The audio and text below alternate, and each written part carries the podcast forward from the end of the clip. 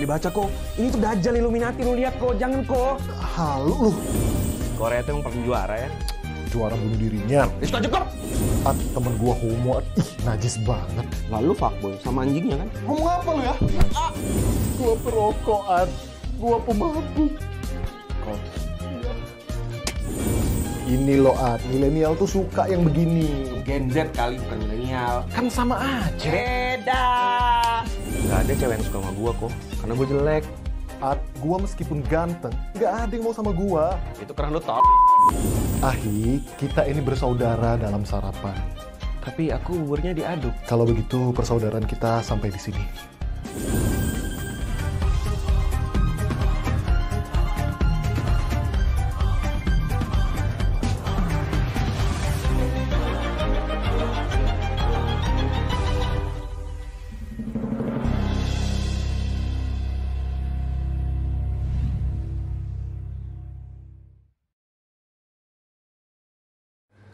What's your story? What's your story?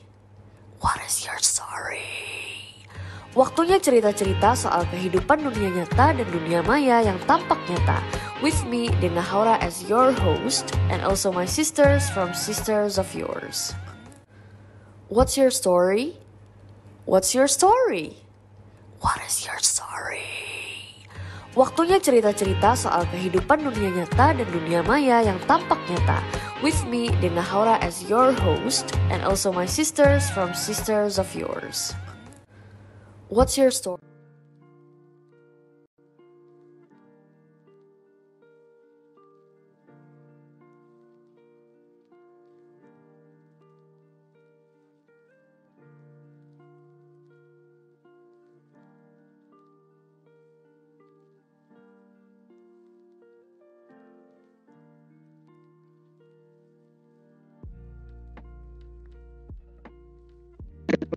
Dan ini pertemuan kedua nih Bi. Sebelumnya udah pertemuan perta- pertama dan ini pertemuan kedua yang bahasannya Masya Allah seru banget ya. Insya Allah seru banget. Jadi buat teman-teman yang mungkin uh, masih belum Hmm. menikah, buat para wanita di sini, terus juga calon istri, calon orang tua, kayaknya bakal apa ya, uh, dapat uh, cerita-cerita yang bumbu-bumbu yang sebelumnya belum pernah dengar kali ya Bi ya. Mm-mm. Bahkan kayaknya masa sih ada yang kayak gitu mungkin gitu. Iya iya iya. Iya. Shal kamu apa kabar Bi? Aku alhamdulillah baik. Gitu. Alhamdulillah. Dede juga alhamdulillah lagi lagi seneng dia lagi seneng belajar eh, apa lagi seneng jalan. Jadi kalau Iya iya. eh, seharian di rumah tuh udah nggak bisa lagi. Oh gitu. udah nggak bisa dia. Wah. Pokoknya pagi tuh udah bener-bener pengen keluar gitu. Kalau lihat pintu kebuka dikit tuh nangis. Dia pengen cepet-cepet keluar kayak gitu. Wah masya Allah. Sizit belum sih. iya. kalau pintu ya? gitu. Lihat pintu Kalau- iya, cuman belum minta jalan gitu. Terus terus terus. Iya, terus sore juga dia nagih gitu kayak kalau di rumah tuh kayak sendiri sendiri gimana? Bosen lah. Meskipun lari ke sana kemari tapi nggak terlalu happy gitu, beda gitu. Iya, iya. Auranya tuh beda gitu. Ya ya, ya masya Allah ya. Iya, dikasih ASI, minum ASI dia eh, kayak kurang nyaman gitu. Dikasih makan juga dia nggak mau gitu. Ternyata pengennya tuh jalan. Kayak Ah. explore lihat ya udah main aja gitu muter-muter di jalan gitu di kompleks kayak gitu jadi lebih mantap lagi kayak sekarang tuh waktu tuh buat dia kayaknya bener-bener jadi wah ternyata Allah ya. Beda sama newborn ya, kita masih bisa ngapa-ngapain. Iya kalau dulu kan kita pas newborn kayaknya dede bangun dong dede bangun dong gitu kan tidur dulu nih ada tamu nih gitu kan ternyata pas udah umur-umur segini setahunan aduh dek tidur dong mukanya udah capek dan segala macam deh Masya Allah. gitu ya Tapi ternyata benar ya Bi bahwasanya manusia itu fitrahnya dekat sama alam ya berarti. Mau keluar, mau explore gitu. Apalagi anak-anak ya. Iya dia tuh suka banget kalau ada air tuh malah sengaja gitu kan sengaja dideketin diciprat-cipratin gitu diinjek-injek Iya, gitu. bukan Iya. yang hindar ini malah sengaja banget bener Iya, bener. Ini kata teman-teman nge-lag ya, musik nge-lag nggak ya guys? aku sih lihat di YouTube masih agak ngelag ya Masih ya. Hmm. di kita alhamdulillah lancar ya Bi ya. Iya, kalau zoomnya lancar. Eh, semoga segera stable ya. Hmm, Oke, eh, sesuai judul hari ini kita mau bahas soal ini sebenarnya eh, kemarin waktu bahas apa nih? Aku tuh kepikiran. Jadi hal apa kan? Ini What's Your Story itu kan adalah segmen yang eh, kita membahas soal apa-apa yang sudah kita pikirin nih belakangan ini atau hal yang eh, kita update lah, update kehidupan atau pemikiran yang mau kita share gitu. Nah, kalau aku pribadi bi belakangan ini itu lagi concern banget di parenting, parenting terus juga lagi concern di uh, soal aku sebagai ibu gimana gitu. Nah, akhirnya kita bahas nih soal peribuan. oh Iya, kamu iya. sendiri gimana bi sebagai ibu baru? Baru setahun ya, alhamdulillah ya. Iya, ya Allah ibu baru setahun. Udah, Jadi udah, istri, tapi kalau jadi istri mau hampir dua tahun ya. ya, Iya, ya lumayan terbiasa ya. Aku Yes. ngeliat, aku ngeliat, eh sorry sorry, aku ini ya, eh, potong dikit. Aku ngeliat perjalanan kamu dari menikah ke hamil itu kan cepet banget, masya Allah. Terus melahirkan, itu tuh kamu kayak kejar-kejaran gak sih sama kondisi dan waktu? Gimana sih, Bi? Iya, Kejar-kejaran juga sama kuliah. iya, iya aku inget banget tuh galau-galaunya kamu gimana? Udah, udah. Gimana? Ya. ya beberapa waktu ke belakang tadi kayaknya aku sempat baca eh, kayak status gitu gimana eh, dulu sebelum nikah gitu kan di statusnya itu status orang aku ngerasa aku udah siap nih buat nikah kayak gitu. Oke, pas aku udah menjalani hal ini nikah terus punya anak dan segala macem ternyata aku ada sampai di titik aku sebenarnya belum apa ya aku sebenarnya nggak akan benar-benar siap gitu loh untuk oke aku siap nih jadi seorang ibu jadi seorang istri ternyata nggak seperti itu faktanya gitu Iya, iya. meskipun aku kayak dulu aku sebelum aku memutuskan buat nikah tuh aku tuh udah ngerasa aku siap nih aku udah siap aku ma- mau menikah aku eh, apa cari orang buat eh, tukar CV dan segala macem. Kayak itu bilang ke Murobi dan segala macem. Bilang ke Muslifa ke guru-guru orang-orang terdekat yang aku percaya kayak gitu. Tapi pada faktanya gitu setelah aku menikah dan aku sebelumnya gitu sebelum menikah ini aku udah ngerasa aku udah belajar parenting misalnya. Aku udah baca-baca buku tentang pernikahan. Ternyata pada faktanya nggak semudah itu gitu. Maksudnya eh, pada faktanya gitu ternyata apa yang dibilang A realisasinya itu nggak semulus langsung A loh gitu. Ternyata kita harus punya plan B-nya punya plan C-nya gitu kan. Apalagi tadi gitu di sisi aku ternyata pas habis nikah kodarullahnya gitu kan masya Allah alhamdulillah langsung hamil gitu kan. Itu Iya, kayak apa gitu. Itu kayak ya Allah aku belum selesai gitu kan. Belum selesai di- dengan diri aku sendiri sebagai aku loh seorang istri di sini kayak gitu kan. Tapi udah harus dituntut buat kamu nih ada eh, apa ya Allah titipkan amanah anak dalam perut kamu nih udah ada janinnya kayak gitu. Berarti kan aku harus berperan juga sebagai mempersiapkan seorang ibu kan di situ kayak gitu. jadi benar-benar rasanya ya tadi gitu kan kejar-kejaran gitu. Baca buku dan segala macem gitu kan.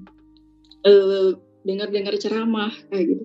Dan aku tipe orang yang yang beda gitu sama King gitu sama suamiku gitu kan. Suamiku misalnya tipenya keras terus tipenya itu harus cepet satset satset gitu kan. Terus tipenya itu mengatur dan segala macam. Dan aku kebalikannya gitu. Jadi pada Oh, kita disatukan tuh kayak apa sih maksudnya? gitu. Iya iya iya paham paham paham. Jadi kayak kadang aku kalau mikir gitu kan kalau ini kayak musuhan sama dia terus gitu. Udah kan, kita berbe- eh, berbeda gitu kan bertolak belakang gitu. Ternyata ke sini ke sini aku belajar gitu kan belajar parenting dan segala macam terus beberapa waktu lalu eh, di Kingdom of Zero juga ngadain kelas sama dokter Aisyah gitu Hmm. kan terus itu di situ juga dibahas bahwasanya aku sama King itu memang itu suatu kecocokan katanya sih gitu gitu kan Oke. karena itu udah pas antara eh, sifat yang eh, melankolis dan si apa ya aku nih ple- flegmatis lah kayak gitu yang satunya dia harus eh, sempurna. Misalnya yang satunya dia penurut yang satunya pemimpin gitu kan dan satunya aku penurut kayak gitu. Ternyata dalam dunia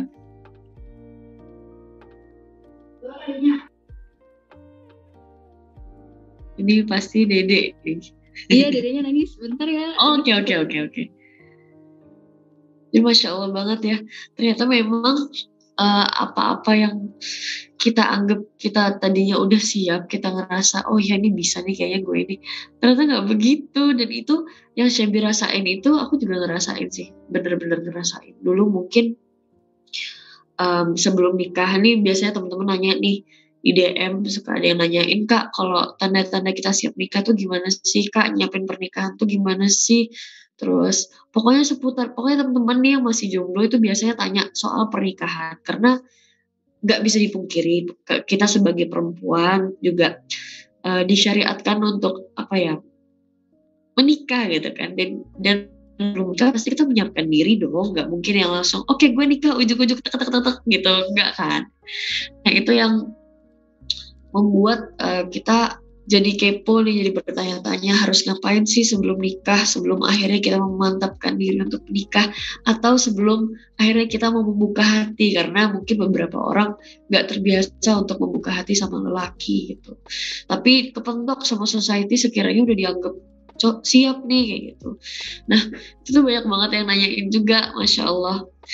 Ada nggak sih di sini yang bertanya-tanya juga gitu kesiapan nikah tuh gimana sih? Btw ini masih ngelag gak ya guys? Di aku kayaknya masih putus-putus.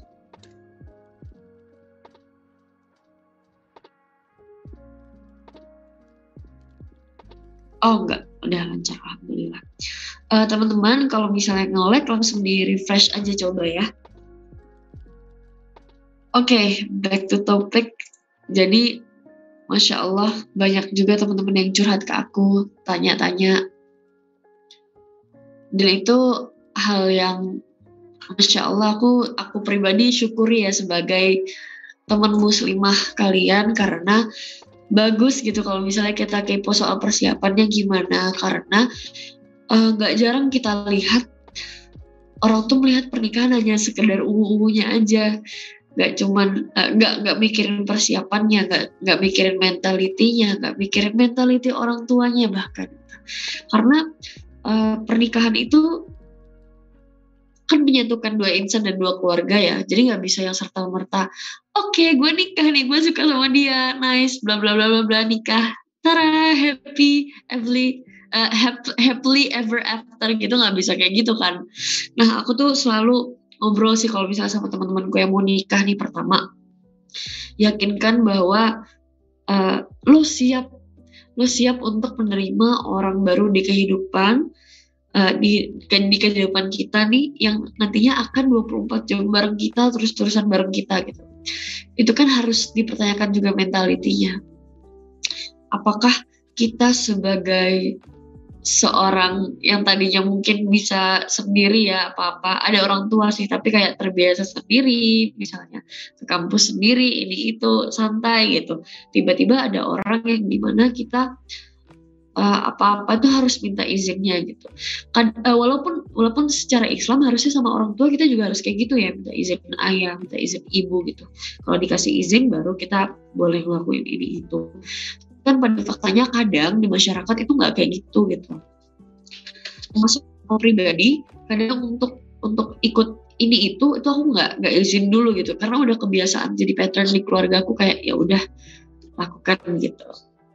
Kayak misalnya keluar rumah untuk beli apa beli ini beli itu itu tuh nggak nggak yang detail izin tiap mau keluar. Karena aku kan juga uh, long distance sama keluarga gue papaku nggak di eh, nggak satu rumah sama papaku. Jadi kayak nggak bisa yang waktu itu ya nggak praktikal aja kalau yang tiap hari itu izin ini itu izin gitu. Tapi walaupun tiap hari tetap hubungan tapi nggak yang sama kayak suami sekarang. Kalau suami sekarang kan kita benar-benar ngerasain ya jadi soulmate-nya dia. Kayak dari bangun tidur itu ketemu sama dia terus juga ridho eh, dari ridho ridho kita tuh ada di mereka ada di suami gitu. Jadi benar-benar ngerasain yang di mana-mana tuh harus izin, harus banyak pertimbangan, terus juga pertimbangannya nggak cuma dari aku doang, oke mau berangkat nih, yuk berangkat gitu, enggak, tapi dari pertimbangan suami juga, sekarang udah punya anak itu nambah lagi pertimbangan nanti anak gimana kayak gitu, itu masya Allah banget. Uh, coba aku baca komen dulu suara sama gambar nggak pas. Coba di refresh ya teman-teman. Lagi prepare, lagi mau buka forum sama ortu tentang ini. Nah, masya Allah, ini juga jadi hal yang sangat sangat harus diperhatikan ya. Karena tadi selain di sisi di mana kita harus siap secara mental untuk menerima orang lain sebagai partner kita, kita juga harus nyiapin orang tua kita untuk punya anak baru gitu. Anak baru yang sekiranya uh, bakal jagain kita ya sebagai perempuan, bakal jadi imamnya kita, yang di mana ridhonya orang tua tuh pindah ke suami dan itu pasti nggak mudah banget kan buat orang tua. Kalau misalnya teman-teman pernah lihat uh, video-video uh, orang nikah atau bahkan teman-teman pernah nikah ya pasti orang tuanya tuh raut wajahnya walaupun senang, bahagia, happy, tapi deep inside itu ada rasa nyes gitu. Kayak sedih ya gimana rasanya udah ngegedein anak belasan atau dua atau puluhan tahun terus tiba-tiba ridhonya harus pindah. Itu kan sesuatu yang nggak mudah buat orang tua juga. Itu pertama mentality mentality kita. Apakah kita siap untuk terima orang baru? Kedua apakah orang tua si kita siap untuk memindah tangankan anaknya ke orang lain? Terus juga uh, untuk menerima anak baru. Terus kita juga kan bakal ketemu sama keluarga calon suami kan. Ibu ayahnya kalau masih lengkap. Apakah kita siap untuk punya ibu dan ayah baru yang yang di mana kita nggak mau dong hubungannya awkward kayak gitu? Itu kita siap atau enggak? Itu hal-hal yang harus dipertanyain juga sih ke diri sendiri. Shebi udah balik nih. Mau lanjut Shebi Kui? Tadi aku ya, sorry, sorry. Ngobrol dikit soal persiapan. Persiapan ya. Uh, ya. Soal persiapan tadi kamu bilang kita siap gak nih gitu kan uh, untuk terima ibu atau bapak baru gitu ya. Itu menarik juga tuh karena banyak juga gitu di uh, apa ya di sekitar kita atau cerita-cerita orang yang bilang atau bahkan mungkin difilmin atau difilmkan gitu kalau sosok mertua itu katanya kan ada yang apa ya sering banget itu orang tua apa mertua itu selek sama menantu kayak gitu kan. terus juga banyak hal kayak gitu. Jadi apa-apa tuh pokoknya menantu yang salah kayak gitu. Nah kalau Dena tuh gimana tuh Dena? E, mertua kamu atau misalnya pengalaman kamu gitu kan? Kalau pengalamanku uh, eh, dulu sebelum nikah yang aku pikirin gini nih ini uh, dari dari kita ya kita sama suami aja yang tadinya beda pengalaman mungkin beda background terus juga sekian 20 ta 20-an tahun itu hidup dengan cara yang berbeda. Terus harus tinggal satu rumah harus tinggal bareng lah istilahnya. Itu pasti bentrok gitu. Ada ada eh, ada ada kemungkinan masalah yang terjadi. Dan itu pasti kalau suami istri ya. Iya. karena penyesuaian itu aja pasti gitu gimana kalau misalnya nanti yang aku pikirin dulu ya gimana kalau misalnya nanti uh, berdekatan atau tinggal bareng sama mertua atau orang tuanya suami yang di mana kita jauh lebih beda lagi itu daripada suami kan hmm. maksudnya beliau kan udah puluhan tahun lebih tua dari kita, terus juga cara didiknya beda gitu. Tiba-tiba harus harus uh, ngumpul sama anak yang didikannya juga berbeda itu kan. Kalau menurut aku waktu itu uh, aku aku nggak apa ya aku berpikir bahwasanya manajemen kemampuanku untuk memanage emosi ketika ada masalah yang datang dari perbedaan itu mungkin masih minim banget. Jadi aku meminimalisir itu dengan cara tinggal berdua dari awal gitu bi. Mm -hmm ya itu, itu. yang aku lakukan. Itu kamu juga itu yang kamu lakukan juga ya? Iya karena kan tadi ya gitu. Mas aku kan uh, empat gitu apa empat bersaudara aku anak terakhir uh jadi aku uh ngeliat kakak-kakakku yang menikah awal-awal menikah kayak gimana lalu setelahnya kayak gimana. Terus juga tadi kalau kan aku merasa udah siap gitu kan padahal memang belum gitu kan pas nikah tuh masih banyak PR gitu kan. Dan aku dapet maksudnya dapet apa ya kayak uh, ilmu-ilmu kalau misalnya iya kalau nikah itu memang lebih baik kita dari awal itu ya berdua gitu. Apalagi kan dalam Islam nih kalau yang namanya kita suami istri gitu. Kalau ada masalah kan seharusnya gitu kan ya udah masalah suami istri atau masalah rumah tangga pribadi kita gitu ya udah kita berdua yang harus selesaikan. Jangan sampai bawa-bawa mertua bawa-bawa eh, orang tua kita gitu kan. Yang ada malah makin nambah runyem gitu kan. Iya, iya. kayak gitu. Jadi emang aku juga eh, dari awal tuh sebelum nikah pengennya kalau udah nikah ya tetap harus bisa dari orang tua. Dan ya maunya juga eh, jauh juga misalnya atau enggak sama mertua juga gitu kita yang ngontrak atau seperti apa kayak gitu jadi benar-benar berdua tadi jalanin Ah, iya. proses seksual walaupun mungkin nggak semua orang bisa kayak gitu ya bi karena ada Iya. keluarga yang masih pengen ngekip anaknya di Hmm. sini aja kasihan gitu tapi kalau itu bagian dari bakti nggak apa-apa juga ya bi ya Mm-mm. buat orang tua Iya. yang sekiranya nggak bisa didik gue tuh ya udah. Coba turutin dulu ya makanya Bi, PR kita juga gitu ya kan sebelum nikah gitu apalagi perempuan nih misalnya ataupun anak terakhir gitu kayak aku dulu misalnya. Ya bilang gitu sebelum nikah tuh bilang gitu dijelaskan dalam Islam tuh pernikahan tuh seperti apa. Misalnya kan perempuan ini kalau udah nikah kan sepenuhnya ya hak suami gitu kan. Ya. misalnya ibunya atau orang tuanya mau bilang apa pun itu ya tetap izin suami atau misalnya eh, restu suami yang paling utama gitu. Jadi bilang juga gitu sebelum nikah orang tua kalau misalnya dibawa nih istilahnya kan ya dibawa eh, setelah nikah dibawa ke tempat yang jauh. Entah itu di Indonesia masih kah atau misalnya di luar negeri gitu. Ya tetap itu bilang dari awal gitu sebelum nikah ke orang tua kita gitu. Bahwasanya kita kalau misalnya udah nikah apalagi perempuan ya ikut suami gitu. Nggak bisa lagi misalnya ih mama kan masih pengen eh, hidup bahagia gitu kan sama kamu nah gitu. Kamu kan udah kuliahnya jauh-jauh misalnya kan misalnya ada yang ke Turki lah ke mana gitu atau ke Jogja dan sebagainya gitu. Janganlah gitu kan udah pesantren dan segala macam. Terus udah nikah masa masih jauh juga dari mama kayak gitu misalnya. Jadi jelasin gitu kan. Jadi jangan sampai pas udah hari H atau setelah nikah terus eh, suami kita mau gitu ngebawa kita eh, keluar gitu atau ke tempat yang jauh gitu nggak ada lagi misalnya kayak konflik yang akhirnya nambah panjang masalah gitu harusnya itu udah selesai gitu udah selesai sebelum kita nikah gitu pemahaman antara kita dengan orang tua kita itu sih yang paling. Oke oke oke. Jadi yang aku tangkap gini ya Bi. Berarti sebelum pernikahan itu terjadi, semua planning setelah pernikahan itu udah harus clear sehingga pas udah nikah udah tinggal autopilot aja jalanin rencana-rencana yang udah dibikin Mm-mm. gitu ya. Iya bahkan pas pernikahan juga kan banyak kan ada misalnya aktivis hijrah atau misalnya dia orang yang udah hijrah terus pas nikah tapi eh, dia udah paham syariat gitu kan. Nggak boleh misalnya tabarus pasang bulu mata gitu kan. Badai. Ataupun pakai yang gaunnya itu menjuntai berapa meter misalnya.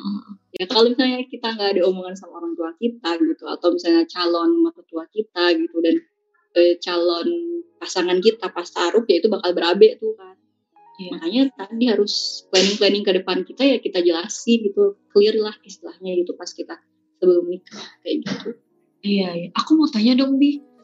Mm. Kamu sendiri sounding soal pernikahan ke orang tua itu kapan sih? Karena nggak mungkin kan pas ta'aruf baru sounding itu kan nggak masih sebelumnya kan. Mm-mm. Itu kapan sih Bi? kapan ya kalau cita-citaku nih kayak dulu tuh kadang aku buat target itu pas SMA tuh aku inget banget targetku nikah itu 21 kayak gitu Oke. Nah itu dari SMA kayak gitu. Terus kalau ada yang nanya, Bi mau nikah ya gini dan bilang, enggak aku mah nanti eh, apa umur 21 kayak gitu, pede aja gitu. Karena itu kan jadi doa dan segala macam gitu. Aku ya bilang positif aja, enggak, ih nggak mau nikah kan ada kan orang, iya aku mah nggak mau nikah gitu.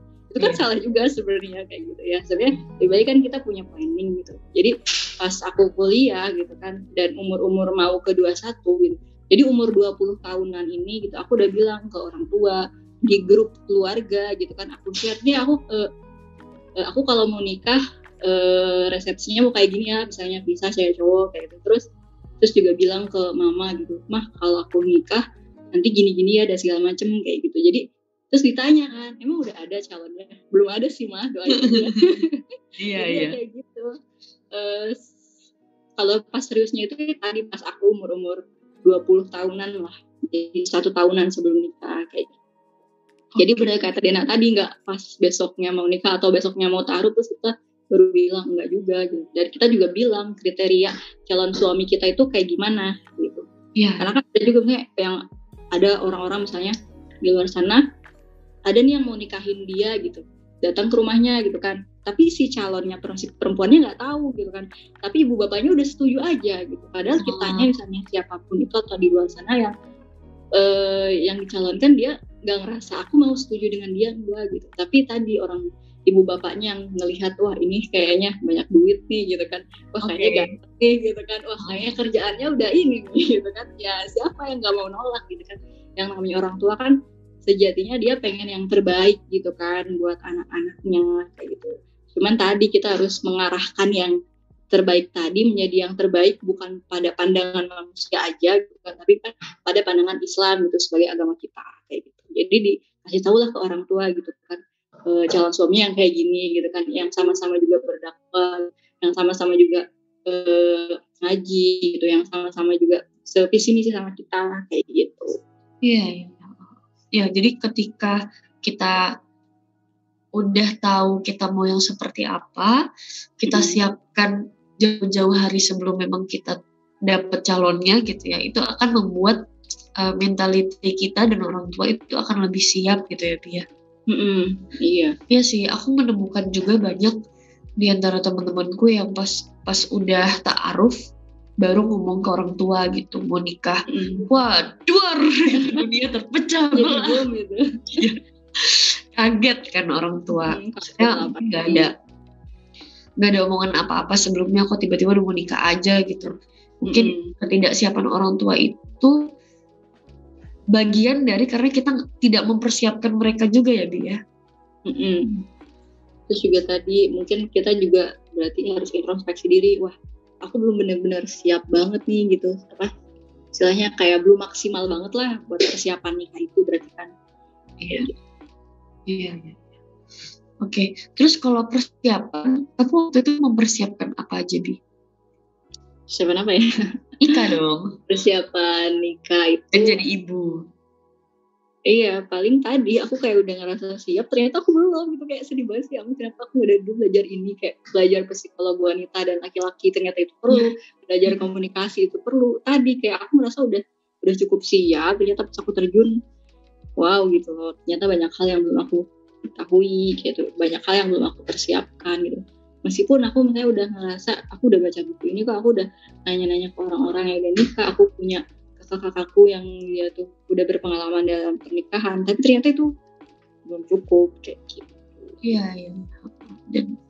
Dan yang paling penting tuh manajemen emosi ya, yang gak akan pernah itu juga banget. Iya, karena kan ya karena manajemen emosi itu balik lagi gitu. Kalau kata Ustadz Umar minta nih ada setan di rumah tangga gitu. Ada setan di rumahmu gitu.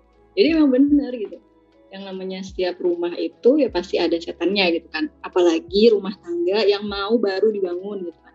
Nah di situ di tahap-tahap orang yang apalagi mau menikah itu biasanya tuh godaannya tuh besar. Apalagi pas awal-awal nikah kita kan eh, apa ya kalau banyak lah cerita bahkan kakak-kakakku sendiri gitu kan dari tiga orang kakak ini awal-awal nikah tuh bener-bener kayak masalahnya tuh hebat-hebat banget gitu. Sampai ada yang pokoknya nangis-nangis lah sampai eh, apa ya kayak marah besar sampai ada mau cerai dan segala macem gitu. Saking tadi gitu kan di awal-awal pernikahan yang pasti itu kan ibarat kita mau naik ke sebuah level gitu kan. Ya pasti coba ada kita diuji dulu lah gitu kan. Ya, sama kayak ini gitu aku juga ngerasa gitu pas awal nikah gitu kan. Ternyata oh iya gitu. Dan di situ setan tuh bener-bener kayak pengen apa ya kan pencapaian terbaik si setan ini gitu. Dia, dia kan itu apa namanya men- apa ya memisahkan antara dua orang pasangan eh antara eh, dua orang suami dan istri ini gitu. Ya, nah itu kan pencapaian terbaik dia sebagai jin sebagai iblis itu loh. Jadi ya bener tadi harus manajemen emosi gitu.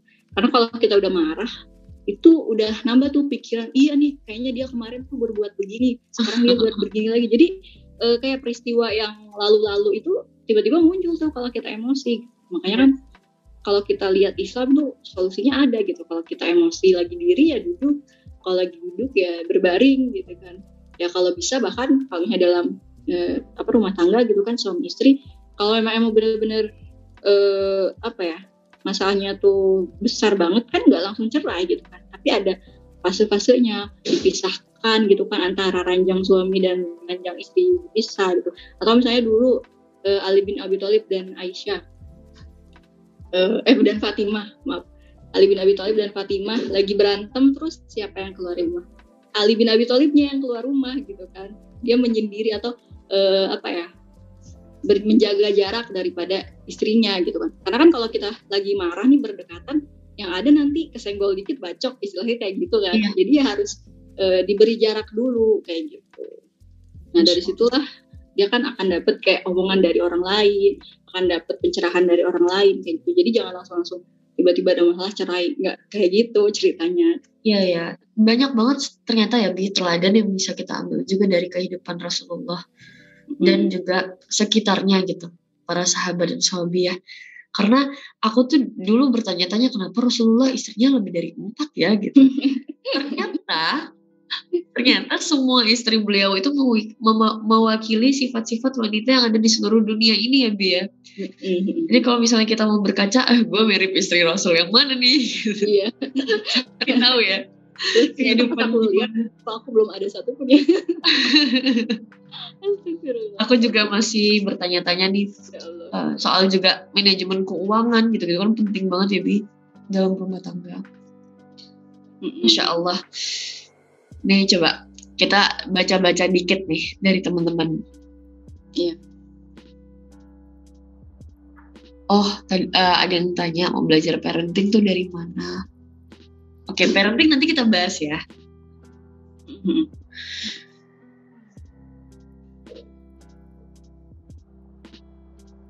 Terus uh, sekarang ini belakangan kita ngedengar soal orang-orang yang takut untuk menikah karena dirasa mm-hmm. wah persiapannya ribet.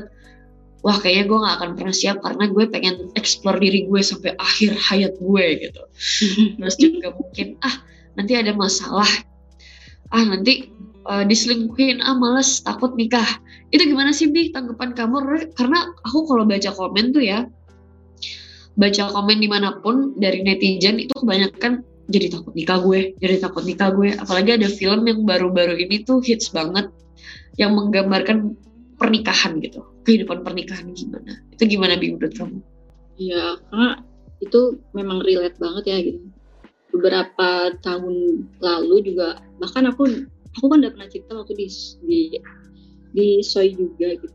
Temanku tuh sampai curhat ke aku sendiri gitu loh, teman kuliahku dan aku dia lumayan dekat sama dia perempuan gitu sering ngobrol bareng cerita bareng tiba-tiba dia nelpon terus curhat gitu kan. E, iya bi gitu kan. Dia langsung aku nggak mau nikah. Jadi aku kaget sendiri gitu. Dengan kondisi aku udah nikah terus dia bilang aku nggak mau nikah bi. Aku takut nikah. Terus aku tanya kan kenapa? Jelasin gitu. Kok bisa bisanya nggak mau nikah? Kayak gitu kan.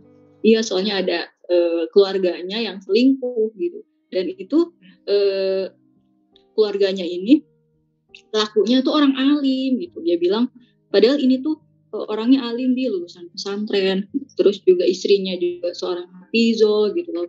Bahkan seperti itu gitu. Dan istrinya lagi hamil kalau gak salah waktu itu. Jadi dan si pelakunya ini gitu kan saudaranya di dalam keluarganya bahkan udah sampai menghamili akhirnya udah berzinah kayak gitu.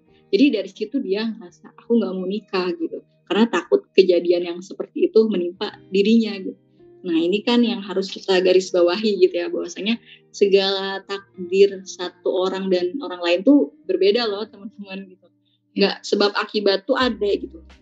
Nah dia kan sebab akibat itu ibarat kayak gitu dan soal uh, yang namanya kita soal soal takdir itu kan ada pilihan kita juga gitu.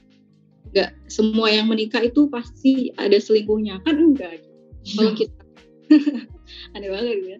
Kalau kita belajar kode-kodar kan ada pilihan kita gitu. Jadi jangan takut sebenarnya gitu. Nah, berarti ada yang salah nih dari, dari diri kita sendiri. Apa? Berarti yang pertama ada eh, akidahnya yang harus kita kuatkan gitu. Iman kepada Allahnya percaya gitu kan. Kan ada rukun iman dan terakhir ada kode kodar atau beriman kepada kode yang baik dan kode yang buruk kayak gitu Nah, kalau misalnya kita langsung melihat satu satu hal yang buruk, langsung kita kayak ngerasa eh, nggak uh, punya apa ya, nggak punya andil apa ya, kayak nggak bisa ngapa-ngapain atau kayak ya udahlah hidup ini jadi ya udah gitu. Atau jadi kayak nggak mau mencari kebenaran gitu karena yang bener aja begitu orangnya gitu. Misalnya kan kayak gitu kan. Kayak tadi seorang hafizah terus eh, suaminya ini orang alim gitu. Kalau kita cuman menjadikan eh, apa ya pragmatis lah kayak kalau kata orang kan bilangnya itu pragmatis gitu. jadi fakta itu menjadi sebuah persepsi dia. Itu tuh kalau misalnya eh, kamu nikah itu kamu akan jadi kayak gitu ada yang selingkuh gitu kan. Kamu perempuan itu selalu tersakiti gitu kan seperti itu gitu. Perempuan itu nggak bisa ngapa-ngapain di luar perempuan itu cuman di dalam rumah aja dan sebagainya berarti kan tadi kita harus percaya dulu nih sama kode-kodar kita bahwasanya baik dan buruk itu memang dari Allah tapi kan ada tadi loh sebelum ada kode-kodar ada pilihan kita dulu gitu Ya. pilihan kita untuk memilih calon pasangan kita seperti apa terus eh, pilihan kita untuk berada di lingkungan yang mana itu kan akan mempengaruhi kita juga gitu. Terus ada lagi misalnya orang yang dia di lingkungannya baik-baik aja, melihat sana sini kanan kiri itu yang menikah itu bahagia gitu kan. Pasti kan akan punya keinginan pengen cepet-cepet nikah gitu. Beda dengan kondisi si B misalnya yang di lingkungannya itu perzinahan dan segala macam itu banyak akhirnya eh, dia nggak mau nikah kayak gitu. Jadi tadi harus perkuat iman kita dulu gitu kan. Kidah kita terus juga berubahlah eh, lingkungan kita karena emang yang namanya lingkungan itu berpengaruh banget gitu kan di mana kalau kita berteman sama yang eh, pengelas kayu gitu kita kan akan kecipratan tuh kelasnya gitu atau kecepatan apinya tapi kalau kita berteman sama orang yang menjual minyak wangi ya minimal kita kedapatan harum-harum wanginya lah kayak gitu jadi penting banget tuh apa ya cari circle yang baik kayak gitu Iya, iya. Uh, at the end kita akan dipertemukan dengan apa yang kita cari ya, Bi. ya. Jadi dimulai dari Hmm. kita nih, kita mau ke mana dulu gitu. Iya, insya Allah akan buka jalan gitu. Akan barang siapa yang dia eh, mencari ilmu maka akan Allah tambah ilmunya kalau dia emang benar-benar sungguh-sungguh gitu buat cari ilmu gitu. Iya, iya. Terkadang kesalahannya mungkin ada di proses ta'arufnya juga ya, Bi. ya. Kurang Iya, dalam, kurang dig in, kurang eh gitu, kurang mantep gitu dalam eh, perkenalannya. Padahal itu proses yang sangat-sangat penting sebelum kita memulai kehidupan bersama gitu ya, Bi. ya. Ta'aruf. Nah, kayak kenalannya tuh jangan dari kulit doang gitu. Kalau dulu upaya yang aku lakukan itu aku tanya juga ke sekitar ke apa namanya orang-orang sekitarnya suamiku itu dia orangnya seperti apa terus kegiatannya apa aja. Terus juga yang aku lihat dia hubungannya sama keluarga seperti apa. Di depanku sama ayah ibunya itu dia kayak gimana gitu. Terus juga boleh ya bi? Ternyata kita tanya, tanya dan uh, ngobrolin hal-hal yang memang harus ditanyakan gitu sebelum nikah. Mm-mm. kayak mungkin eh, ini ini kayak kesannya kayak tabu ya tapi dulu waktu ta'aruf itu Bang Hawa pernah tanya ke aku soal siklus haid. Iya, ya masih kayak gitu. oh iya tanya ya. Iya. Itu tuh kalau di luar sana tuh mungkin orang-orang mikir hah emang boleh ya? Bukannya cuman CV doang kayak gini-gini? Kayak gitu. Kalau kalau CV kan untuk untuk luarnya aja ya untuk Iya. Untuk mengait awal sebelum yang benar-benar kenalan lebih dalam lagi gitu ya Bi. Kalau kamu dulu prosesnya gimana Bi? Yang yang bisa sampai benar-benar bikin kamu tek oh, ini nih kayaknya uh, taarufnya udah cukup dalam nih, oke nih gitu. Pertama sih kayak aku lihat di CV-nya dulu ya gitu. Karena di CV-nya pas aku baca kan yuk ngaji gitu. Terus lingkungannya aku kenal beliau beliau dekat dengan ustadz-ustadz gitu. Jadi aku berharap wah kalau aku jadi nikah sama beliau gitu kan aku juga maksudnya berada di lingkungan yang insya Allah aman gitu loh karena dekat dengan ustadz gitu kan terus juga dengan orang-orang yang mereka itu eh, dalam dunia yang dakwah gitu. Karena kan aku sendiri rasa dulu di rumah gitu kan aku tuh belum dapet nih gitu dunia yang aku pengenin gitu kan dunia yang eh, apa ya kayak tadi banyak apa ya, orang-orang tuh udah pada pakai kerudung gitu kan terus juga ngomongannya itu dijaga terus banyak kajian di mana-mana. Nah aku kan di kampung dulu jadi belum dapet gitu. Sekitar tuh masih buka aurat kayak gitu. Kalau ngomong tuh teriak-teriak besar dan terus juga kasar-kasar gitu kan lagu dangdut dan segala macam di mana-mana itu kayaknya aduh ya Allah aku Iya pengen iya iya. punya dong gitu kan lingkungan yang baik gitu. Jadi pas aku lihat aku udah ngerasa serupnya dari CV-nya itu maksudnya dari oh lingkungannya baik nih gitu. Dan aku kan ngerasa aku bisa aman gitu dalam lingkungan yang baik gitu. Karena aku jujur nggak bisa aku menjadi baik sendirian aja gitu. Menjadi baik seorang diri tuh kalau di luar itu nggak baik ya aku otomatis bisa keikut gitu. Jadi benar-benar pas aku sebelum nikah tuh pas aku baca CV-nya tadi aku pengen lingkungan yang baik itu terus terus setelah itu ya eh, aku lebih terus aku telepon ke orang tuanya aku minta nomor orang tuanya gitu kan.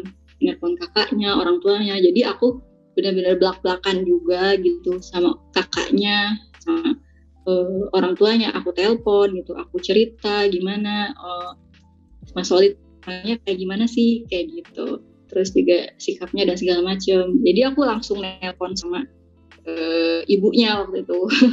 Jadi saat aku ngobrol beberapa kali nelpon sama kakaknya juga orang kayak gimana dan segala macam kayak gitu. Terus aku juga cerita bahwa aku nih orang Bogor dan segala macam dan aku sampai cerita iya aku di kuliahan gitu kan. Aku juga ngajar di pesantren dan di pesantren ini ada yang masak bu jadi sebenarnya uh, aku tuh belum bisa masak oh, gitu. iya. iya. gitu. Bagus loh harus jujur kayak gitu ya. Mm aku tuh udah jujur duluan kalau aku tuh kurang suka masak kayak gitu. Karena ya emang udah terbiasa kan ada yang masakin kayak gitu. Karena di pesantren tinggal ambil kayak gitu jadi aku cerita kayak dan ternyata alhamdulillahnya aku dapetin kan mertua aku baik kayak gitu. Mertua aku baik mertua aku tuh terbuka sekali gitu. Jadi soal pernikahan pun selalu ditanya gimana? Udah udah e, bikin apa aja? Udah pesan ini belum? Udah pesan itu belum? Udah booking ini belum? Udah segala macam kayak gitu.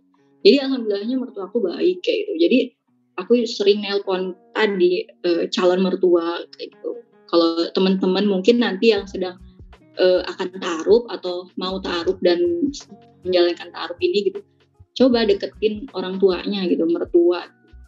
Dan sampai kita terkena kayak cerita-cerita orang dulu kalau mertua itu menyeramkan dan segala macam yeah. gitu jangan gitu. Loh kita ambil pelajaran dari mereka berarti kita harus lebih dekat sama mertuanya nih gitu. Ya, coba diajak telepon mertuanya gitu kan calon mertuanya diajak telepon gimana bla bla bla dan segala macam kayak gitu biar enak ke depannya harus ambil langkah untuk uh, maju juga ya Bia. Maksudnya SKSD mm. tuh perlu juga kadang. Mm. Jangan sampai cuek-cuekan aja, nggak tanya kabar karena cuy orang tua kita loh, calon orang tua kita loh mm. gitu. Uh, beginikah kita melakukan, beginikah kita memperlakukan calon orang tua kita gitu kan nggak gitu. Jadi itu jadi consideration juga ya gimana apakah kita siap untuk menerima ibu baru, ayah baru di kehidupan kita gitu. Hmm. Tapi somehow bi uh, di teman-temanku ada ada temanku yang mungkin secara kasarnya keluarganya itu lumayan berantakan, nggak utuh gitu, problematik dan alhamdulillahnya dia dipertemukan dengan pasangan yang keluarganya ayah ibunya itu super super harmonis, terus hmm. keluarganya sangat baik dan dia mengobati luka-lukanya itu di keluarga pasangan. Hmm. Itu hmm, kan indah banget ya kalau misalnya kita bisa merajut merajut kasih sama orang tua baru kita se membahagiakan itu tuh kayak masya Allah banget kan jadi ya uh. ya sampai misalnya kayak misalnya si A ini gitu punya luka pengasuhan antara orang tua dengan dirinya itu tidak baik-baik saja gitu kan ibaratnya ya cobalah makanya sebelum nikah juga kita harus banyak berdoa tadi kan ya. ya. Doa itu senjata kita loh gitu. Ya kita berdoa sebelum nikah ini minta dapat suami yang seperti kita, terus juga dapat mertua yang juga e, bisa mengobati istilahnya luka pengasuhan kita lah gitu. Kita nggak dapat sayang pelukan hangat dari orang tua kita, ya semoga aja gitu. E, mertua kita menjadi ibu kita gitu. Karena aku juga dulu aku kan e, apa ya ditinggal ayah nih udah dari umur satu tahun dua bulan gitu. Dan aku di situ ngerasa aku pengen nih gitu punya mertua dan punya ada ada seorang bapak gitu ada seorang ayah yang aku peluk gitu dan dan aku ngerasain oh ini ya pelukan seorang uh, ayah itu seperti ini kayak gitu. Dan di situ aku berdoa gitu dan masya Allah Allah kabulkan lewat tadi pernikahan aku dengan Mas Iprun aku dapat mertua yang baik aku dapat uh, bapak mertua yang baik juga kayak, jadi aku alhamdulillah gitu aku bahagia dapat mertua seperti itu gitu. jadi tadi doa itu benar-benar harus kita planning juga doanya harus spesifik gitu doanya harus detail kayak gitu Iya ya. Kalau kamu doanya ya Allah pokoknya mau sama orang ini gitu. Atau kayak ya Allah terserah terserah engkau aja deh. tadi sih aku nggak terlalu detail banget sih ya mungkin jadi aku cuma minta mertua yang baik terus juga aku mintanya orang Jogja gitu. dan emang Hmm. bener dia orang Jogja kayak tapi Oh. tek- akhirnya di Jember sih dia orang Jogjanya tuh karena kuliah di Jogja Oke oke oke. jadi ada hal-hal yang eh, nggak aku juga belum terlalu spesifik itu sih kayak. Oke. tapi yang penting aku eh, apa ya satu visi misi lah kayak gitu Iya ya. Mungkin kalau misalnya mau lebih ringkes ya doa ke Allahnya itu ya Allah beri yang hamba butuh gitu kali ya. Itu udah mengcover semuanya tuh mulai dari Hmm. suami, mertua ya. Mm-mm. Insya Allah. Di ya apa yang eh, mintanya tadi bener banget Kadarina, apa yang eh, kita butuhkan dan kita ridhoi dan Allah juga ridhoi kayak gitu kan ada juga pada suatu ketika Allah sebenarnya udah ridhoi tapi kitanya belum ridho nih nah itu juga jadi masalah makanya harus harus didetailkan lagi kita minta yang kita butuhkan yang kita ridhoi itu dan Allah juga ridhoi kayak gitu Oke. Ini kita udah bahas soal fase persiapan nikahnya nih. Pas nikahnya, ada nggak sih yang pengen kamu ceritain nih? Yang menurut kamu itu sangat terhighlight. Eh, sorry Z bangun. Yang sangat Iya. terhighlight di kehidupan kamu. Aku izin dulu ya. Mhm. Ya. Ya.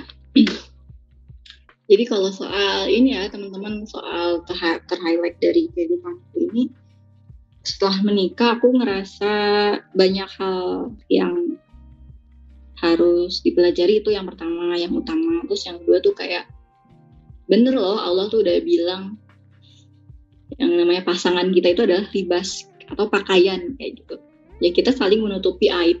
Misalnya aku punya aib, suamiku juga punya aib, tapi di situ kita harus menutupi eh, aib pasangan kita masing-masing gitu.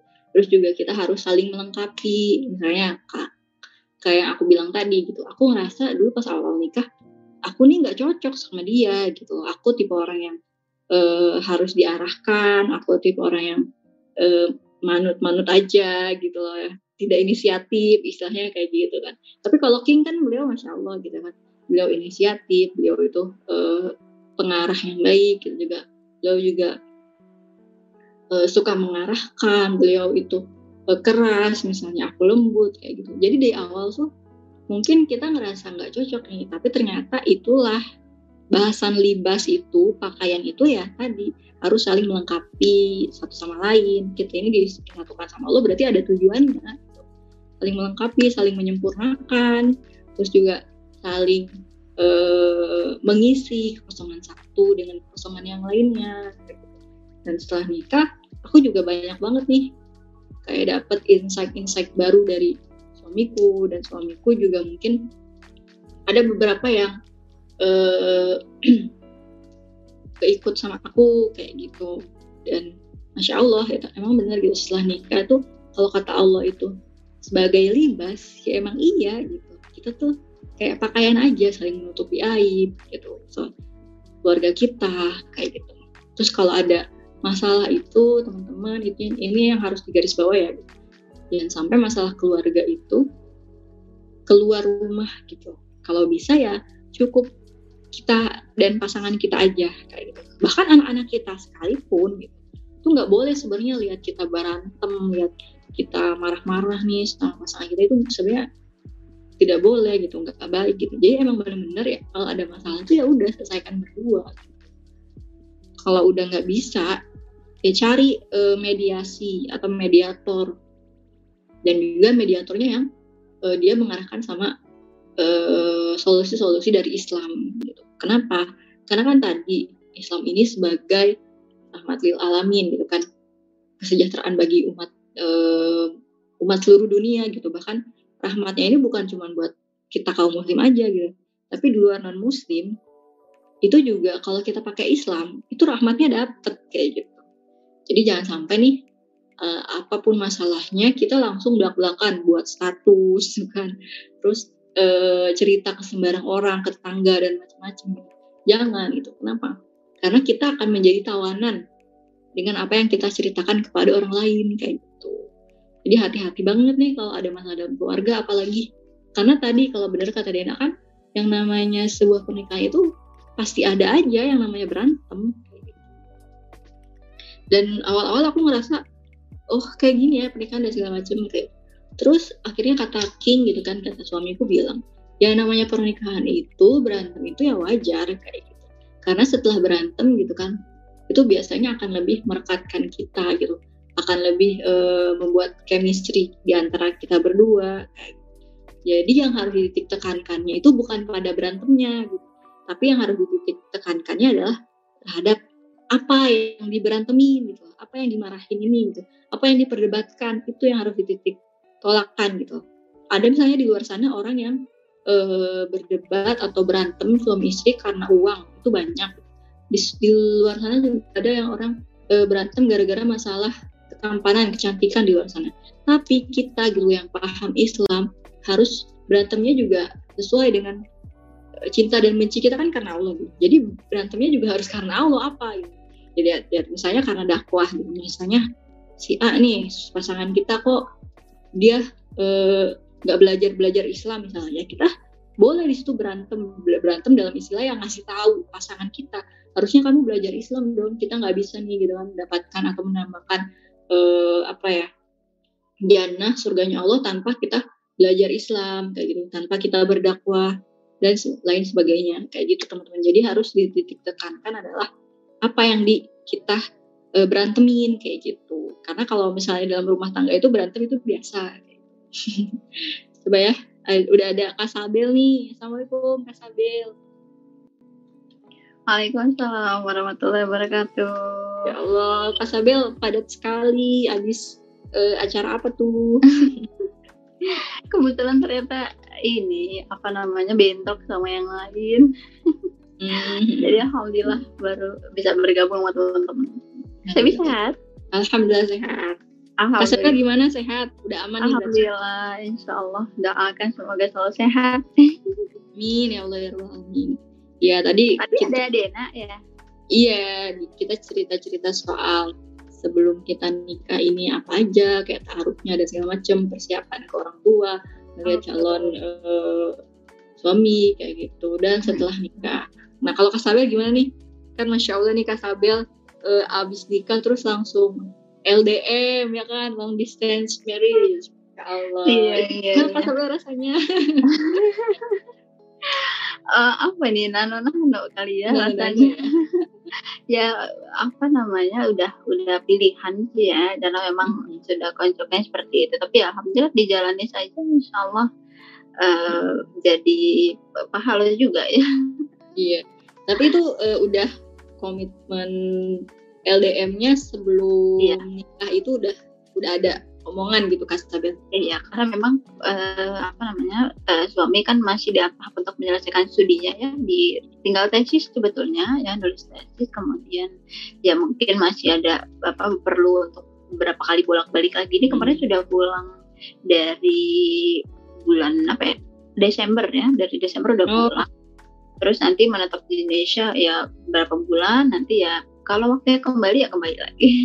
Hmm, begitu. ya. jadi emang memang sudah uh, seperti itu begitu. Jadi emang ya kita berusaha ya udah siap gitu ya dengan dengan dengan keadaan nantinya kayak gimana. Hmm. ya meskipun ada lah ya mungkin drama-dramanya nanti jadi cerita konsumsi hmm, kayak ini dulu juga aku sempat dengar ceritanya Ustadz Hanan ya kan yang hmm. beliau tuh habis nikah tuh mereka nggak tinggal langsung sekamar gitu hmm. tapi yang satu di kos yang satu juga di kos gitu karena hmm. masih dalam ada ada temen aku di Mesir juga yang kayak gitu ada oh, ada juga oh.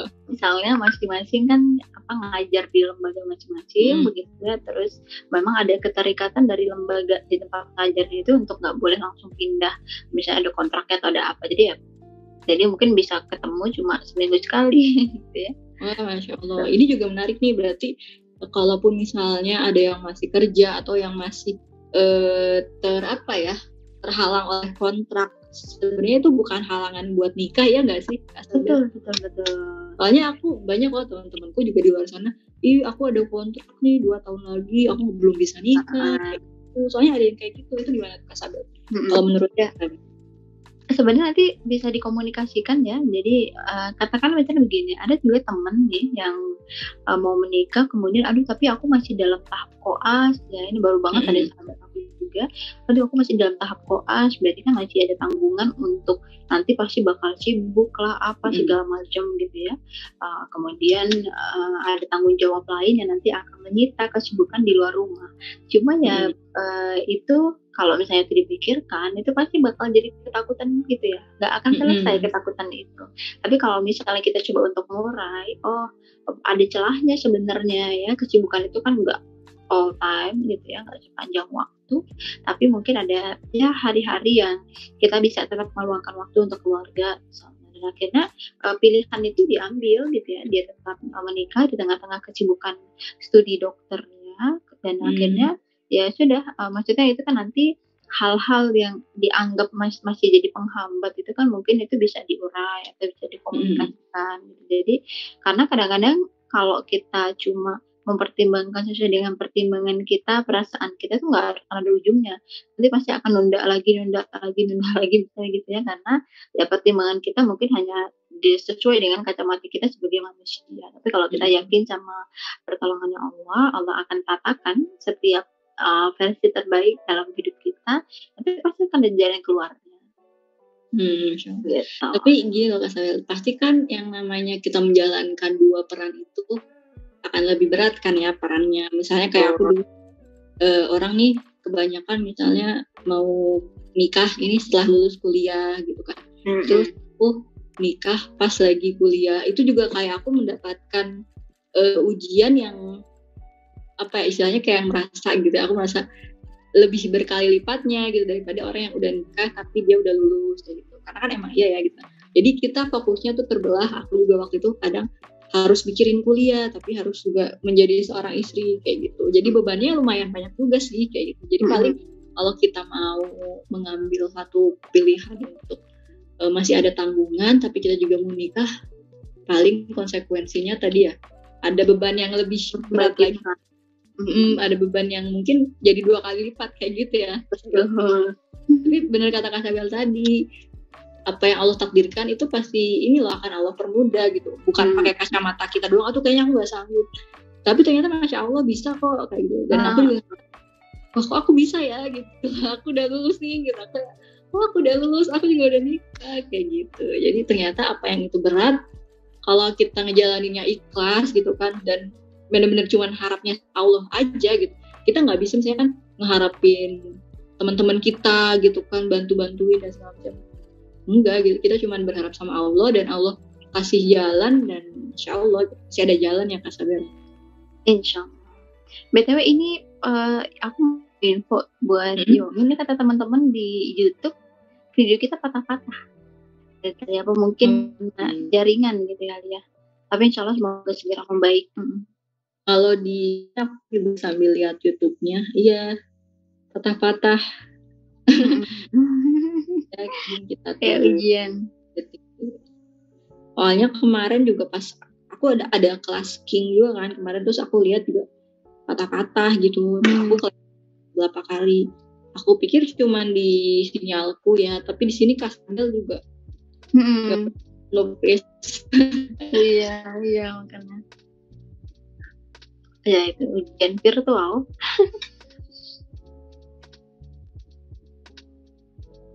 Suaranya masuk ya? Oh, Ken? suaranya Ya, masuk. Gambarnya aja berarti ya. Oh ya, gak apa-apa berarti.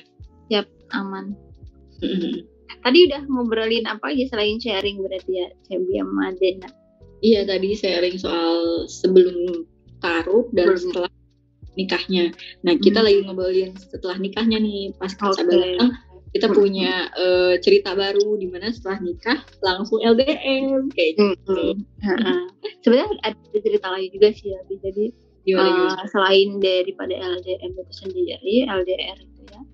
Jadi sebenarnya uh, kalau mungkin tadi Cebi sempat cerita ya, sebenarnya kan kita kalau misalnya masuk ke pernikahan tapi eh, pada saat yang sama kita masih mengemban amanah yang lain berarti kita harus siap nanti kalau misalnya pas sudah menikah amanahnya itu nambah lagi Mm-mm. ya. Eh, tapi sebenarnya Allah itu kan sudah me- apa ya menetapkan kita itu pasti eh, apa amanah itu kan nggak salah membeli pundak jadi kita Hmm. pasti dimampukan untuk mengemban peran itu sebenarnya tinggal kita mau atau enggak untuk melayakkan diri atau mempersiapkan diri mengemban amanah yang baru tadi itu. Mm. Nah kalau misalnya aku pribadi kan sebetulnya saat ini juga kesibukan yang cukup menyita waktu itu Iya, apalagi di tahun. Mahat. Lanjut S2 apalagi kan ya Kasabel. Ah, S2 alhamdulillah sudah semester 3 jadi apa Hmm, namanya sedikit lagi sebetulnya terus juga ya sambil pada saat itu mengajar juga ya di Hmm. Amahat kemudian eh, jadi wali kelas juga. Jadi itu banyak Oh. lumayan kita untuk mengawasi anak-anak waktunya kemudian untuk keluarga juga gitu. Jadi eh, rasanya itu mungkin awal-awal tuh kayak kita bener tadi kata saya kok aku kayaknya awalnya itu kayak nggak nggak mungkin deh gitu. Bisa nggak mungkin deh kayaknya berat.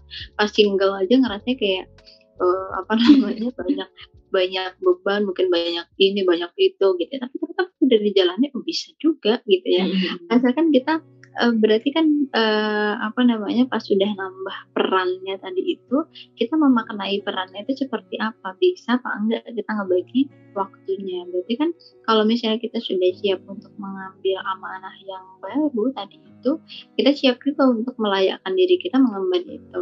Berarti kan kalau Hmm. kalau eh, aku pribadi ya ini mungkin sharing juga. Jadi eh, memang eh, apa namanya jatuh bangun maksudnya dalam artian untuk kembali merutinkan apa mendisiplinkan diri dengan rutinitas yang baru kemudian nanti nambah lagi amanah baru nambah lagi amanah baru. Nah itu memang pembiasaan itu enggak seka apa semudah membalikkan telapak tangan ya. Ujuk-ujuk Hmm. "Ah, aku langsung bisa gini menyesuaikan. Nggak bisa.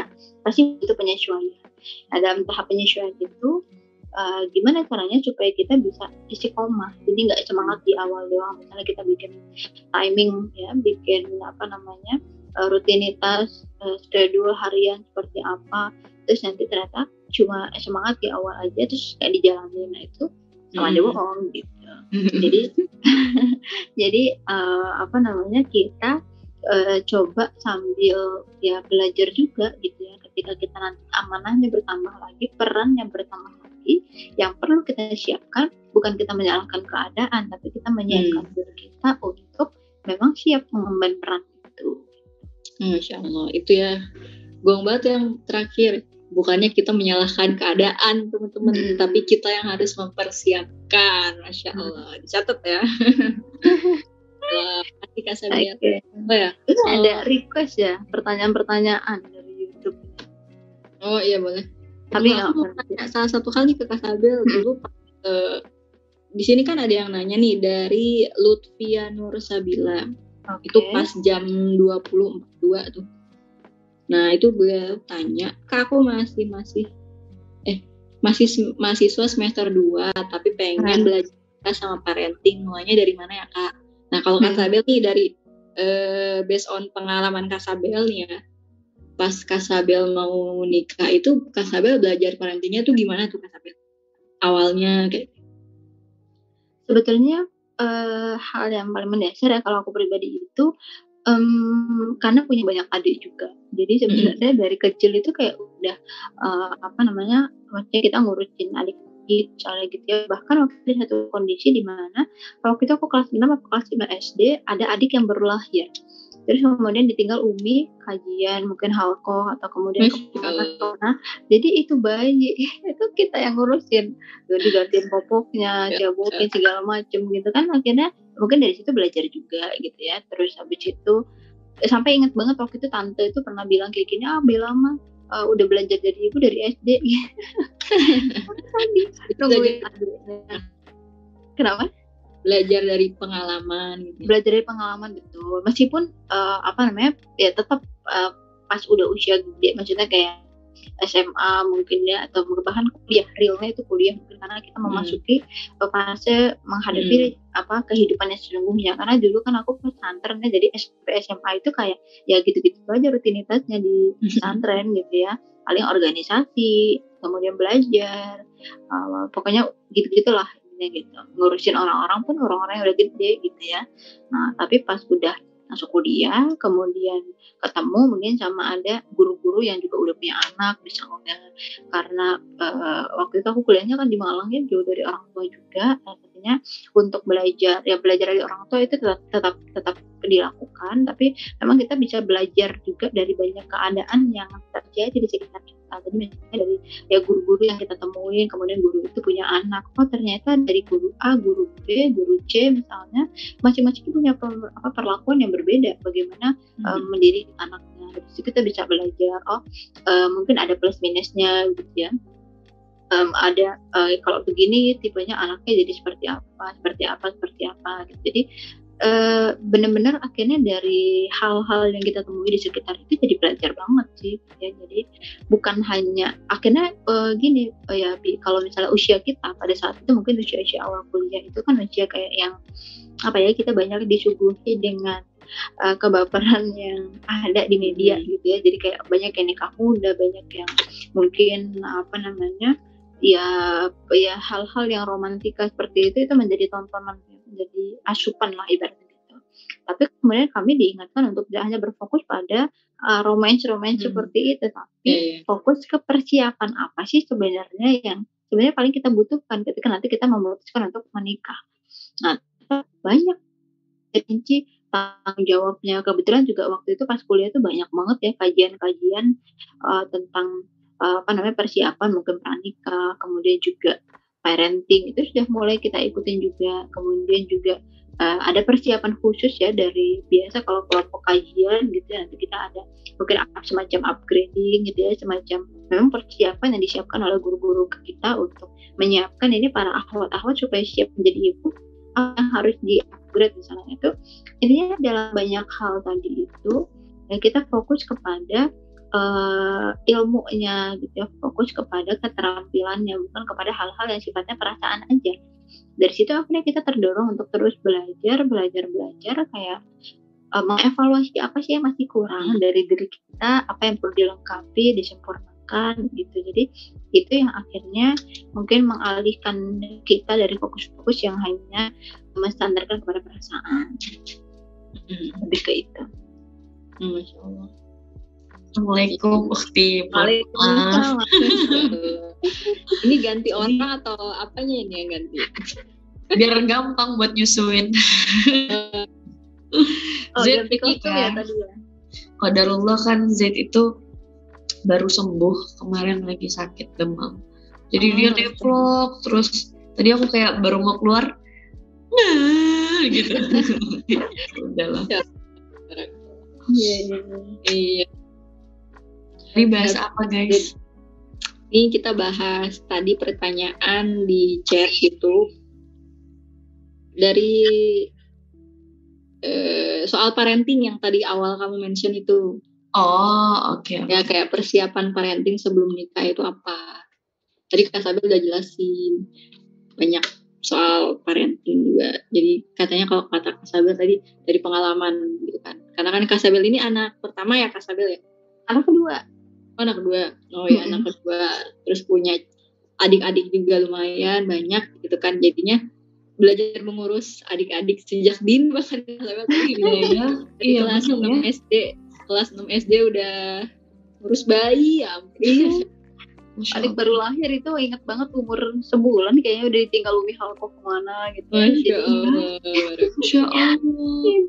Ya. apalagi kan yang pengalaman itu lebih melekatnya atau kerasanya tuh lebih mantep ya gitu kan daripada cuma kita teori teori teori kayak gitu. Iya iya iya masya allah. Tapi uh, aku kebayang banget sih sekarang kan adikku dia kan jomblo ya cowok. Mm-hmm. itu dia jadi dapat gambaran oke okay, ngurus bayi kayak gini nih gitu. Dia kan anak terakhir kita berdua mm-hmm. doang. Itu pasti akan lebih melekat dan lebih berguna buat dia gitu. Daripada kalau kita, yeah. lihat video doang. Mm-hmm. apa gitu Tadi pengalaman itu benar-benar lebih kerasa banget ya. Iya, iya. Benar. Oke, okay, apa kita mau lanjutin jawabin pertanyaan? Ya, iya, so. udah banyak kayaknya. Oke, okay, oke, okay, oke. Okay. Coba ya. Oh, banyak ketinggalan banget nih aku scroll-scroll. Tadi itu pertanyaannya jam 20.42. Gak ada jamnya, Bi. Oh, gak ada ya? Aku Gak ada. Ya aku nggak ada juga. Enggak deh, aku lihat di HP dia ada di 24. Oh, gaul. oh, ini kita boleh nggak pencet kalau misalnya tadi Oh, kan boleh. bahas parenting. Mhm. Ini bahasnya ke persiapan persiapan nikah lagi. Gak apa-apa ya. Kalau terkait ada uang. iya. Ini ada yang nanya, kalau terkait keuangan, wanita Wow. itu juga harus siap nggak sih secara finansial? Gimana kan, Mel? Aku baru mau nanya siapa yang mau jawab. aku juga aku kepo nih kalau misalnya mungkin dari pak si sudut pandang Islam tuh gimana sih apa kita harus kayak ibunda Khadijah ya masya kan yang di, agak diperlukan dulu tuh nggak ada laporan keuangan Bunda Khadijah kayak gini nah itu loh yang Iya. realnya banget gitu gimana gimana Kasih? Keuangan Iya, iya, iya. Sebetulnya kalau nanti dalam apa namanya keluarga gitu ya, nafkah atau nafkah itu kan dari eh, suami sebetulnya gitu. Itu menjadi hak yang kemudian diberikan ya sebagai ya nafkah gitu dari suami tadi itu untuk keluarganya. Dan bahkan nafkah itu kan dianggap sebagai kebaikan, dianggap sebagai sedekah terbaik gitu ya dari eh, suami kepada keluarganya gitu ya. Nah, kalau misalnya ternyata eh, ada real fact-nya di lapangan itu perempuannya lebih eh, mungkin banyak eh, apa namanya uh, katakanlah seperti ibunda Khadijah tadi itu ya memang sudah punya bisnis katakanlah begitu. Kemudian eh, intinya pundi-pundi keuangan itu banyak yang kemudian mengalir lah ke perempuan dibandingkan ke laki-laki. Ya sebetulnya nggak masalah juga. Dalam konteks ini kan berarti nanti bagaimana kemudian perempuan itu bisa lebih membantu eh, apa namanya eh, suaminya begitu. Entah membantu eh, misalnya amanahnya gitu. Kalau dalam cerita Bunda Khadijah tadi itu kan eh, Ibunda Khadijah itu kan membantu memfasilitasi dakwahnya Rasulullah bahkan. Nah, kurang apa kurang apa semua dibantu gitu. Bahkan nggak Allah, ya. perhitungan kan beda ya. Kalau perempuan tuh kan biasanya perhitungan kayak ini kan Hmm. uangku ini kan uangku misalnya kayak gitu. Atau seperti apa? Nah ini enggak. Karena memang dari awal tuh komitmennya adalah ini nanti untuk eh, apa namanya harta tadi itu ya yang menjadi kepemilikan itu jadi kepemilikan bersama artinya digunakan juga untuk kepentingan bersama misalnya gitu. Nah, jadi akhirnya saling support satu sama yang lain. Nah, itu yang bagus seperti itu. Tapi memang nanti silakan mungkin bisa dengan apa namanya eh, suaminya gitu ya. Kadang-kadang mungkin ada suami yang akhirnya malah oh nggak usah itu kan uangmu gitu misalnya. Udah buat disimpan aja nanti kali kalau perlu gitu. Jadi suami tetap misalnya memberikan sesuai dengan kebutuhan. Ada yang begitu. Ada yang ya udah eh, sesuai kesepakatan akhirnya jadi eh, apa namanya tadi saling support satu dengan yang lain. Ada juga yang seperti itu. Nggak masalah. Oke, berarti the conditional aja masalah. Eh, yang Betul. penting yang penting nafkah itu dari suami ya, kasarnya. Jadi terkait apakah kita harus sudah megang eh, uang dulu atau enggak itu dikondisikan aja. Yang penting kita ini nggak sih Kasabel punya planning gitu untuk pengelolaan uangnya. Betul, betul. Nah, ini juga yang tadi sempet ya di kita bahas ya, Bi. Jadi kadang-kadang orang itu banyak ketakutan yang muncul sebelum menikah salah satunya karena materi. Jadi Hmm. ngerasa kayak aduh aku kan belum cukup ini, aku belum ngumpulin ini, belum apa namanya ada persiapan ini, persiapan itu, belum ada rumah, belum ada kendaraan misalnya gitu. Nah, ketika seorang mukmin dia mengkhawatirkan kalau eh, misalnya nih besok itu dia mau makan apa atau besok itu dia akan bagaimana, Nah, itu berarti dia eh, apa namanya keimanannya itu dipertanyakan ya, karena dia nggak yakin ya nggak yakin seperti keyakinannya burung. Ya burung itu kan dia nggak pernah mikir besok makan apa. Pokoknya terbang aja nanti nemu. Gitu dia hinggap misalnya kemudian nemu cacing nemu apa itu kan dia balik ya dikasih ke anak-anaknya. Gitu maka harusnya manusia itu bisa lebih uh, tenang begitu bisa lebih yakin sama Allah seperti yakinnya hewan-hewan tadi itu yang dia nggak pernah merasa khawatir dengan rizkinya besok. Masya Allah. jadi, Jadi walaupun- eh, apa ya itu yang kita kuatkan gitu Masya Allah. Jadi walaupun kita udah punya planning, planning kita nggak berjalan pun kita tahu pasti itu yang terbaik dari Allah gitu ya kak ya. betul betul Masya Allah emang. Ini menusuk banget sih kalau misalnya kita masih khawatir soal ke depannya berarti kita Iya. dipertanyakan nih keimanannya.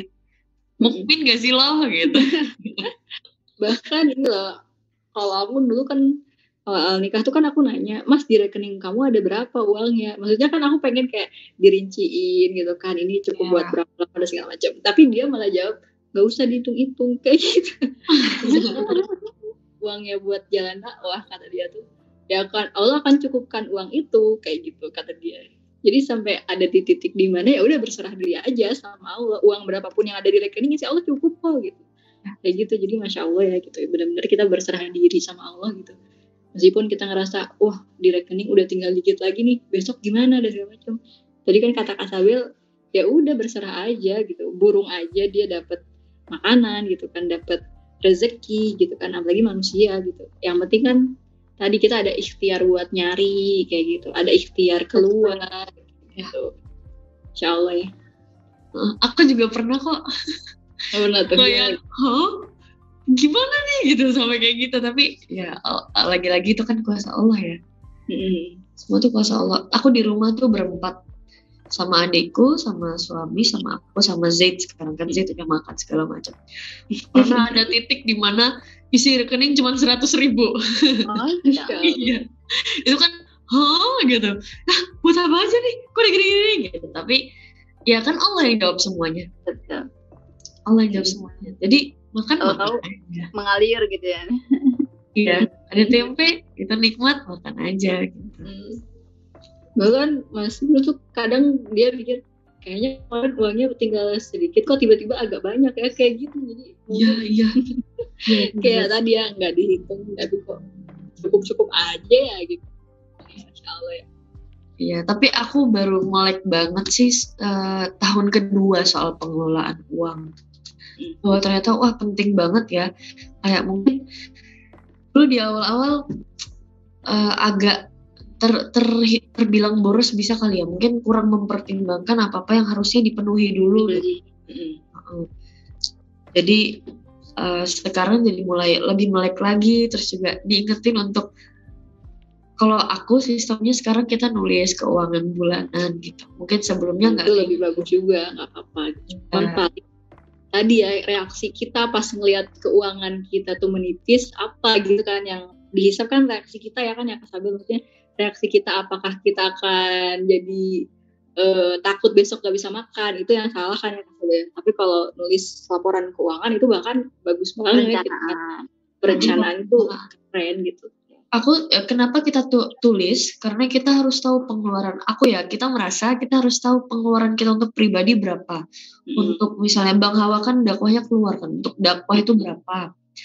Terus eh, untuk rumah doang itu berapa? Supaya kita tahu nih apakah pengeluaran kita tuh lebih besar daripada pemasukan kita atau enggak gitu. Mm. karena biasanya gitu kan kalau beli-beli impulsif keluarin keluarin aja. Eh ternyata eh, tanpa kita sadari pengeluaran lebih besar nih dari, daripada pemasukan kan harus kita rencanakan juga gitu. Hmm. gitu sedikit kisah kemelekanku Tapi emang penting sih ya. Jadi maksudnya perencanaan keuangan itu artinya bukan sesuatu yang kayak lebay atau gimana. Justru eh, apa namanya kalau orang itu gagal dalam perencanaan berarti dia sedang menyiapkan kegagalan kan gitu. Hmm. Ada istilah seperti itu karena eh, ya meskipun eh, apa namanya tetap nanti kita punya keyakinan kalau nanti rezeki itu kan di tangan Allah tapi eh, kita merencanakan yang terbaik itu sama seperti ranah ikhtiar. Kita nggak ujuk-ujuk tawakal tapi kan harus ada ikhtiarnya dulu. Gitu. Iya, aku jadi inget dulu aku UN itu tawakal saja. Ikhtiar, ikhtiarnya minim. Jadi ya gitulah. Oke jangan bahas UN ya kayaknya hampir kebanyakan seperti itu. Oh enggak kok, banyak yang rajin kok. SMP SMP itu emang lebih parah dibandingkan SMP. Kalau SMP itu masih serius gitu kan. Kalau SMA tuh Iya. kayaknya ya udahlah. Iya, iya, bener-bener. Aduh, Ya, kayaknya nilai Kenapa UN SMA aku, ya? Nilai UN SMP ku kayaknya lebih bagus daripada SMA.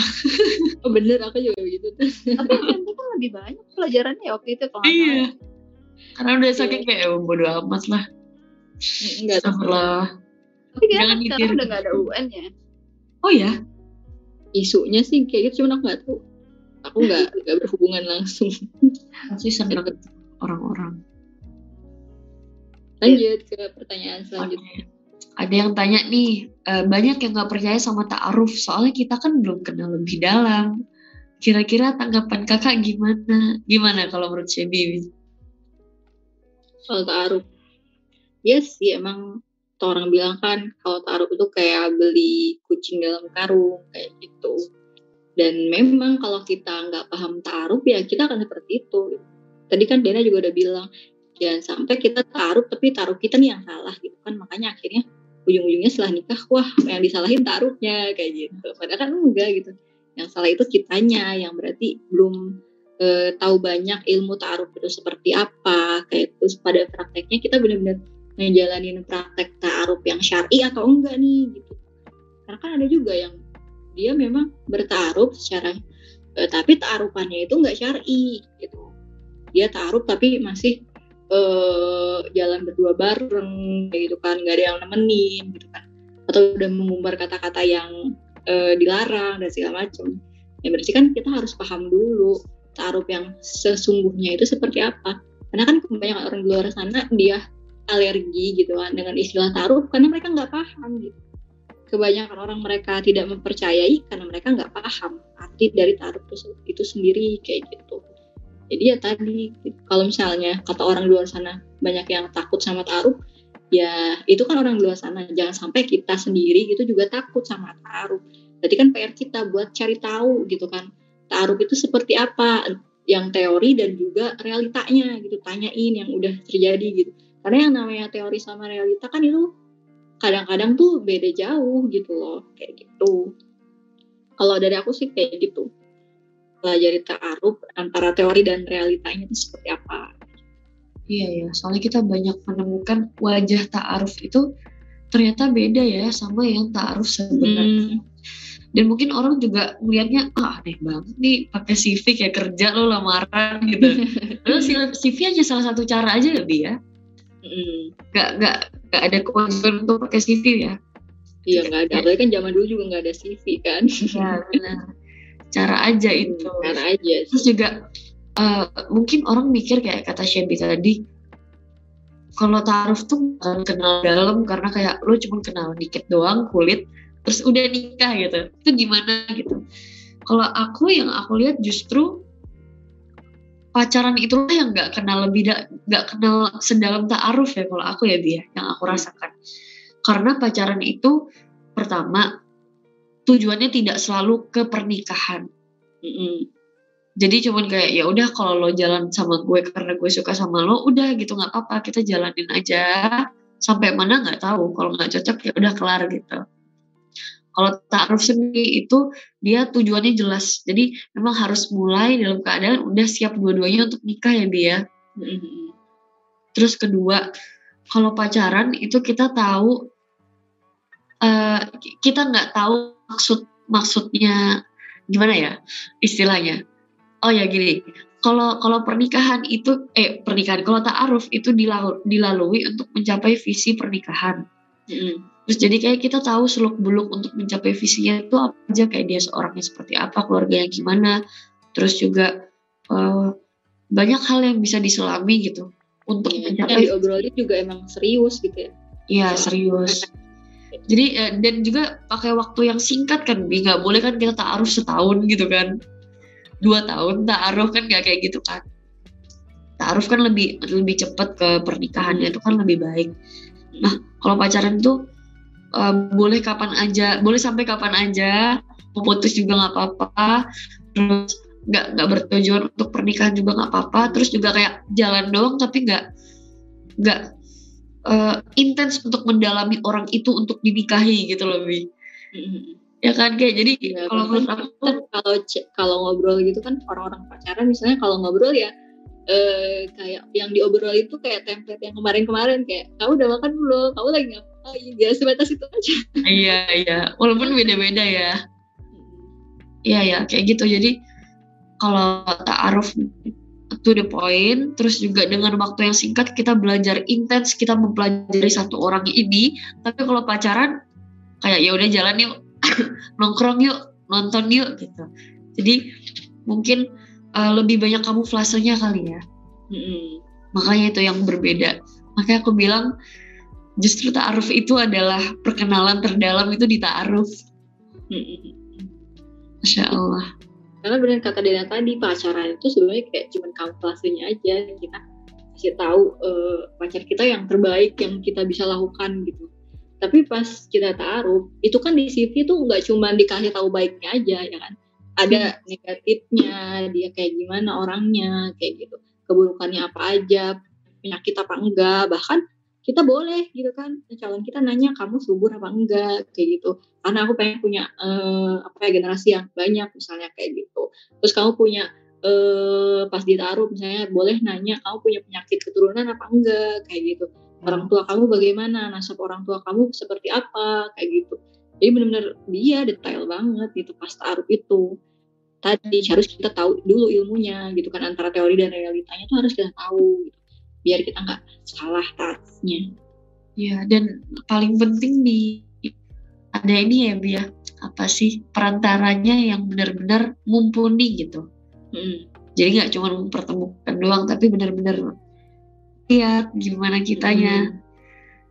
ya bahkan dianjurkan gitu ya dianjurkan dia yang dianjurkan itu mediator ini gitu kan si apa tadi Mak Comblang ya Comblangnya itu yang kenal yang kenal kita gitu. Jangan sampai kita mak comblangin apa ya kita punya mak comblang tapi mak comblang itu nggak kenal kita. Jadi main jodoh-jodoh aja gitu. Ya. kurang kurang baik gitu ya kurang pasan gitu. Karena takut apa yang menurut dia itu baik ternyata dia belum kenal kita lebih dalam nih kayak iya. dia lihat juga mak comblangnya kata Dinda. Benar makanya kadang kamu pernah gini gak sih Bi ke Shebi tolong cari jodoh dong gitu tapi sama orang yang gak kamu kenal Iya, nah itu aku kayak ilfil banget kayak sih gitu loh. Maksudnya berarti dia belum paham gitu kan, belum paham eh, si taruh ini apa ya, yang benar itu seperti apa kayak gitu. Karena dia aja udah eh, nanya suatu hal yang salah kayak gitu, minta rekomendasi tapi aku nggak kenal kamu loh itu gimana gitu. Iya. Ternyata dia belum paham taruh berarti kan. Iya, jadi jangan minta asal jodohin ke orang ya guys. Mm-mm, itu ada aku ya Allah ini gimana sih gitu biar kita bersama Gak semua orang udah paham ya. Mm-mm. Nih ada lagi nih, Kak boleh gak sih kita minta sesuatu yang udah kita usahain ke Allah? Misal kita udah berusaha maksimal perbaiki diri dan kita minta jodoh yang sepadan sama Allah. Boleh gak ya Bi? Oh itu kalau aku sih ya itu boleh banget gitu. yang namanya doa kita kan minta ke Allah kan doa ya kita berdoa sama Allah kita merendah diri dan Allah suka banget gitu bahkan Allah malah nggak suka sama orang yang sombong yang nggak minta apa-apa sama Allah tapi Allah suka orang yang tadi minta apa pun itu sama Allah gitu. bahkan kan kalau dalam dunia parenting gitu kan anak-anak kalau misalnya mau sesuatu nih minta ke orang tuanya kita harus ajarkan oh ya udah dede misalnya adik harus minta dulu sama Allah berdoa oh mau es krim ya? misalnya. Berdoa sama Allah ke Allah dede pengen es krim kayak gitu. Nanti barulah kita beliin es krim. Jadi eh, dari anak kecil aja itu kita harus pahamkan akidahnya gitu bahwasanya apa pun yang kita punya yang kita dapat itu ya dari Allah kayak gitu. Apa pun yang kita mau itu yang paling utama adalah mintanya dulu sama Allah kayak gitu.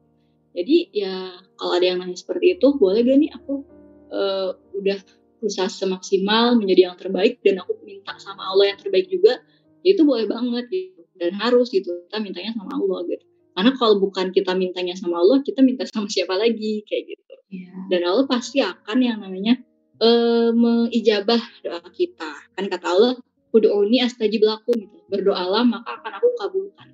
Cuman gitu loh, dalam tanda kutip konteks dikabulkannya kan gak selalu dengan apa yang kita mau ya kan.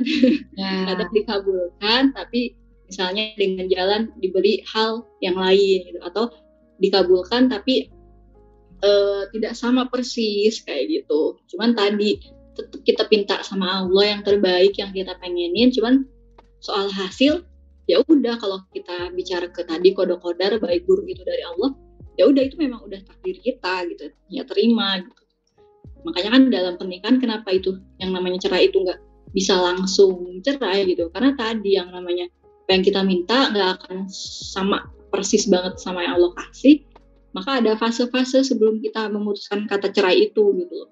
Jadi ya harus banget gitu kita minta sama Allah. Gitu. Itu kalau dari pandanganku. Iya, iya, iya. Jadi jangan semet, eh, jangan jangan kayak kita mikir kalau kita minta sama Allah tuh malah hina ya dia. Mm-mm. Beda sama minta sama manusia ya. Ya beda banget, jangan disamakan. Allah tuh justru suka kalau kita minta. Mm-mm. Iya, masya Allah. Ada pertanyaan lagi. Wah, asik banget nih pertanyaannya. Ya Allah. Bolehkah tabungan kita lebih besar nominalnya daripada sedekah kita? Karena untuk persiapan masa depan, Kak. Gitu. Aku jadi ngebayangin kalau misalnya orang yang hartanya tuh 20 M, terus dia kalau sedekahin uh, di bawah itu tuh jadi salah gitu. Gimana Bi? Kalau tanggapan kamu Bi? Kalau tanggapanku ya soal tabungan di sini juga kan eh, kadang orang melihat tabungan itu dengan beda persepsi. Ya. Misalnya ada orang bilang tabungan itu ya naruh di bank gitu kan. Heeh. Jadi kan dia berbunga Oke. bunganya, jadi dia menambah atau kalau nabung itu ya kita investasi saham, trading gitu kan. Itu kan ada juga yang bilang seperti itu. Atau ada yang bilang misalnya kalau tabungan itu ya tabung emas aja gitu. Karena mungkin dia udah paham kalau misalnya eh, trading terus juga tabung di bank ada riba itu haram gitu. Akhirnya dia eh, pakai emas logam mulia di rumah misal. Ataupun tabungan dalam hal tabungan akhirat itu kan bisa juga ya konteksnya tabungan akhirat yaitu apa sedekah kayak gitu jadi tergantung si orang tadi tabungan yang dia maksud apa nih? Tabungan yang dia tabung ini di satu sedekah yang satu lagi di bank kah? Satu lagi di sedekah ataukah satu lagi di eh, trading kah?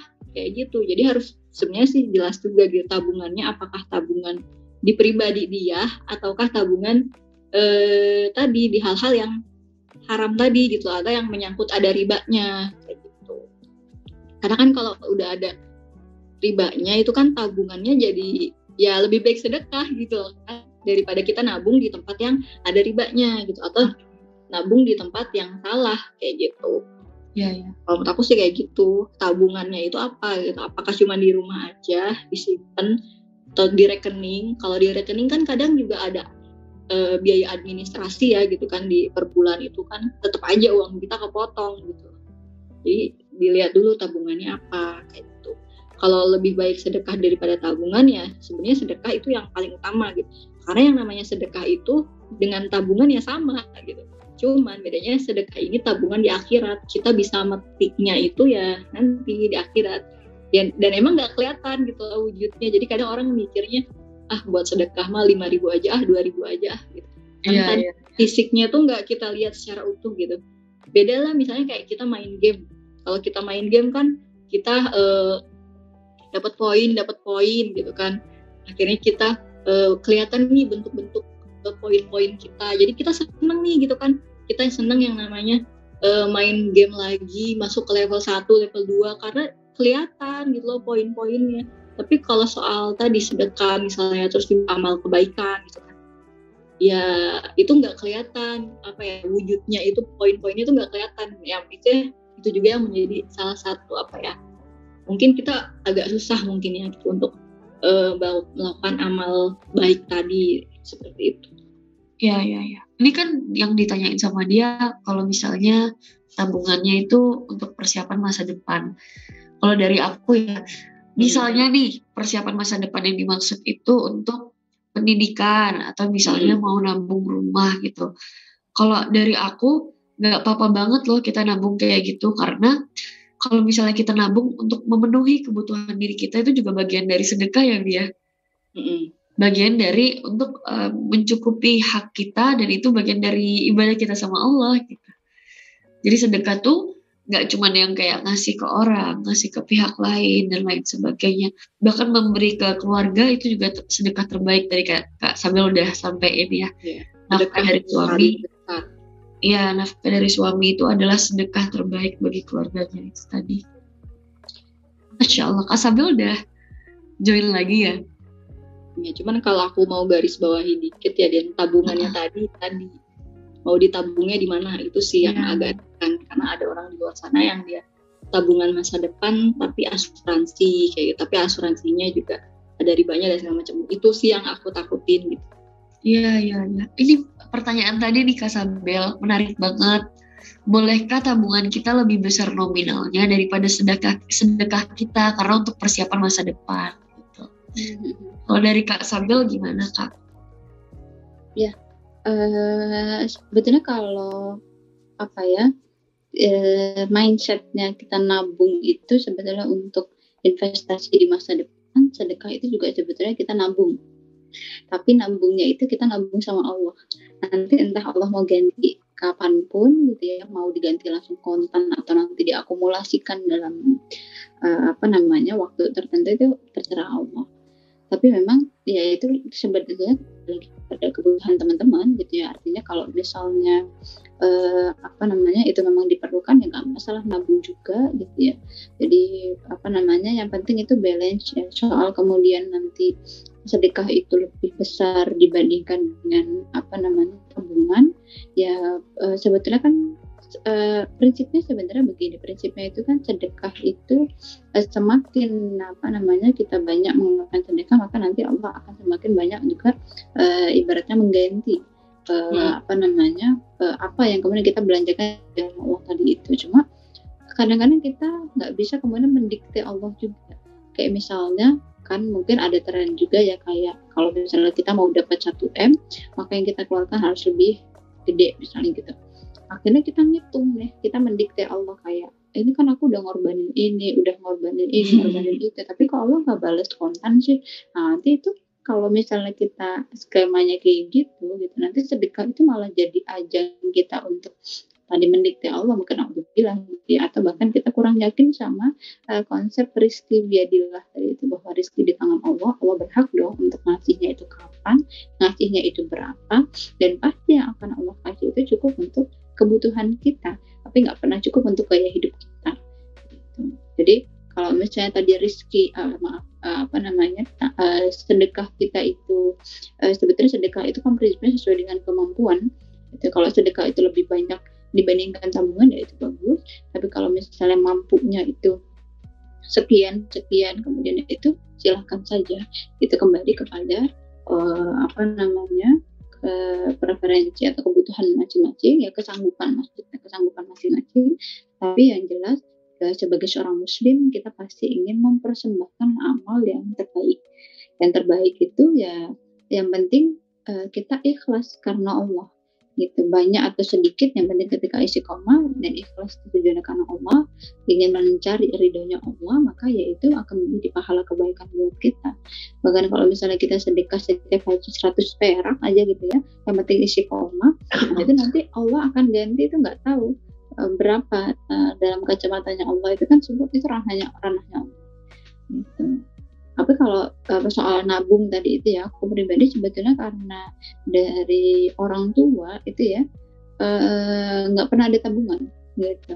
Jadi makanya kalau apalagi kalau belajar dari Abi gitu ya dengan enam orang anak kemudian tidak pernah ada tabungan tetap misalnya begitu kemudian kita betul-betul diajarkan untuk eh, apa namanya dan dan beliau itu apa ya saya juga banyak belajar soal konsep rezeki tadi itu. Jadi kalau misalnya ngeluar apa-apa nih baru dapat sekian di keluarnya itu sekian jadi kayak gampang aja. Kita mungkin kayak anaknya itu kayak di perhitungan nanti nih kalau ini ini ini itu waktu itu waktu masih kecil-kecil gitu ya. Loh apa namanya kemudian terus ditanamkan itu kayak yang kita bisa harus yakin gitu kan ya. Eh, apa namanya itu kan semua Allah yang ngasih begitu ya. Nanti kalau kita perhitungan justru nanti Allah perhitungan juga gimana gitu kan. Oh iya iya. Jadi akhirnya jadi belajar juga gitu. Jadi segampang itu untuk ngeluarin sedekah berapapun jadi nggak lihat nominal misalnya gitu ya. Dan itu akhirnya menjadi dan apa ya menjadi pelajaran gitu ya bahwa ternyata kalau orang itu sudah sebegitu yakin sama Allah nggak akan perhitungan soal sedekah dan Allah juga nggak akan perhitungan nanti ketika memberikan ganjaran. Gitu langsung aja berapa gitu. Min haitsu la yahtasib dari arah yang nggak kita duga. Itu masya Allah.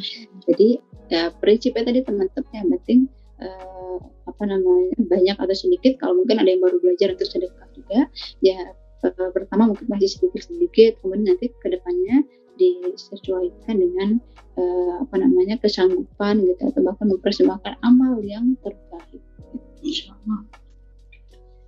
Uh, ingat ini loh, aku juga waktu itu pernah dengar ceramahnya Ustadz Budi Asari. Jadi ada yang nanya kan, Ustadz bagaimana uh, boleh gak sih asuransi dalam Islam?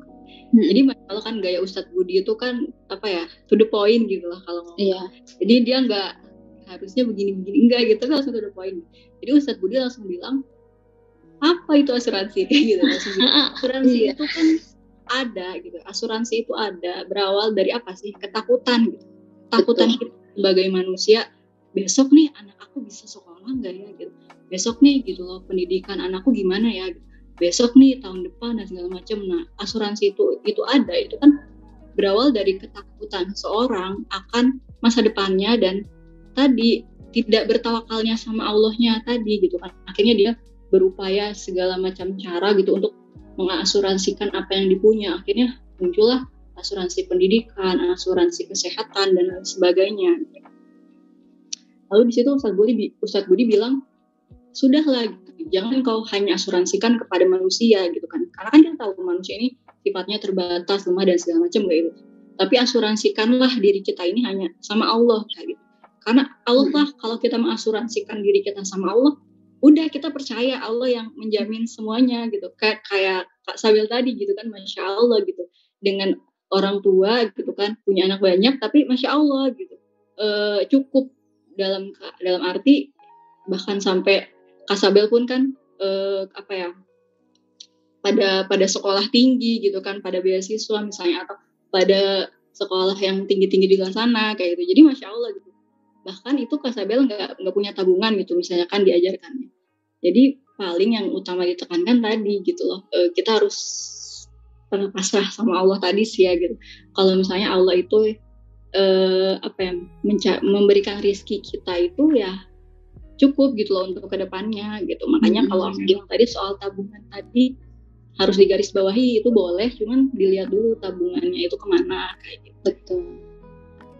Itu sih. Wah udah jam 10 nih. Kayak di jam 10 nih.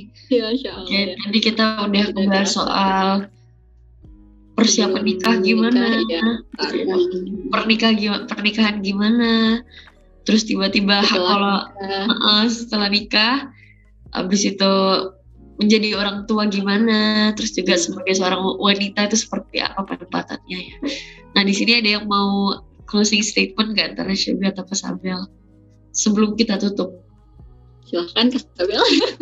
Silakan kakak guru. Insya Allah. Hmm, apa ya mungkin rangkuman dari obrolan kita tadi ya teman-teman. Jadi eh, mungkin banyak di antara kita sebagai manusia itu sendiri masih menyimpan banyak ketakutan akan masa depan. Tapi sebetulnya justru itu menjadi poin yang terus kita asah eh, bagaimana kita menguatkan tauhid kita kepada Allah, keyakinan kita kepada Allah.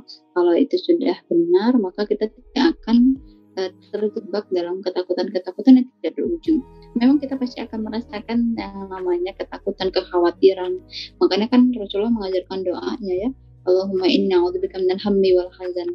Nah, al-ham itu adalah ketakutan yang uh, bisa menjadi muncul karena was-was atau pikiran-pikiran overthinking dan lain sebagainya. Hanya manusia pasti tidak akan lepas dari itu. Makanya kita minta sama Allah supaya dikuatkan dan kita juga harus terus apa ya mungkin uh, berusaha fokus sama apa yang bisa kita kerjakan, fokus sama apa yang bisa kita raih begitu. Dalam artian target-target mungkin ibadah yaumiyahnya, kemudian dakwahnya misalnya, hal-hal yang tidak hanya sebatas pada materi saja, tapi apa yang menjadi investasi sampai uh, nanti kita ke akhirat, itu kebaikan-kebaikan, amalan dan lain sebagainya. Insya Allah itu akan apa ya minimal uh, kalau misalnya muncul ketakutan maka ketakutan itu akan beralih kepada ketakutan uh, yang uh, mengantarkan kita justru sampai kepada kebaikan tidak hanya di dunia tapi juga di akhirat. Dan mungkin setiap dari kita harus uh, terus belajar ya artinya uh, mungkin hari ini teman-teman banyak yang masih perannya itu jadi anak, jadi apa namanya siswa atau mungkin dalam fase belajar jadi mahasiswa anak sekolah gitu ya. Tapi nanti nggak menutup kemungkinan fase itu akan dilalui teman-teman menjadi ibu atau mungkin ada yang bekerja dulu nah nantinya dalam setiap peran apa pun yang teman-teman jalani yang kita jalani nantinya kita harus siap. Jadi tadi kalau kita sempat diskusi juga supaya kita nggak menyalahkan keadaan maka kita yang harus siap untuk eh, melayakkan diri menyambut peranan apa pun yang akan kita mungkin ya Masya Allah. Allah. Syukran zakillah khair kasabel. oh iya Jazakallah khair Kak Sabel. Oke kalau gitu kita tutup. Makasih banyak. Jazakallah khair, jazakumullah khair teman-teman. Udah Iya. hampir Iya. Masya Allah. Semoga semua live-nya bermanfaat. Insya Allah. Ini cerita, cerita kita, update kita sebulan ke belakang ya. Jadi sampai ketemu lagi di What's Your Story ke depan. Barakallahu fiqh. Wassalamualaikum warahmatullahi wabarakatuh. Waalaikumsalam.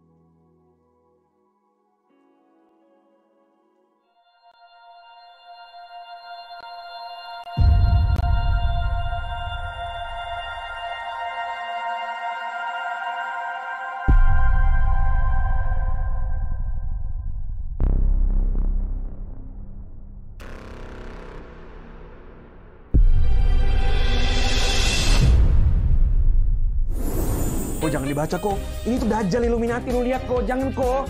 Halu lu, Korea tuh yang paling juara ya. juara bunuh dirinya. Itu aja kok.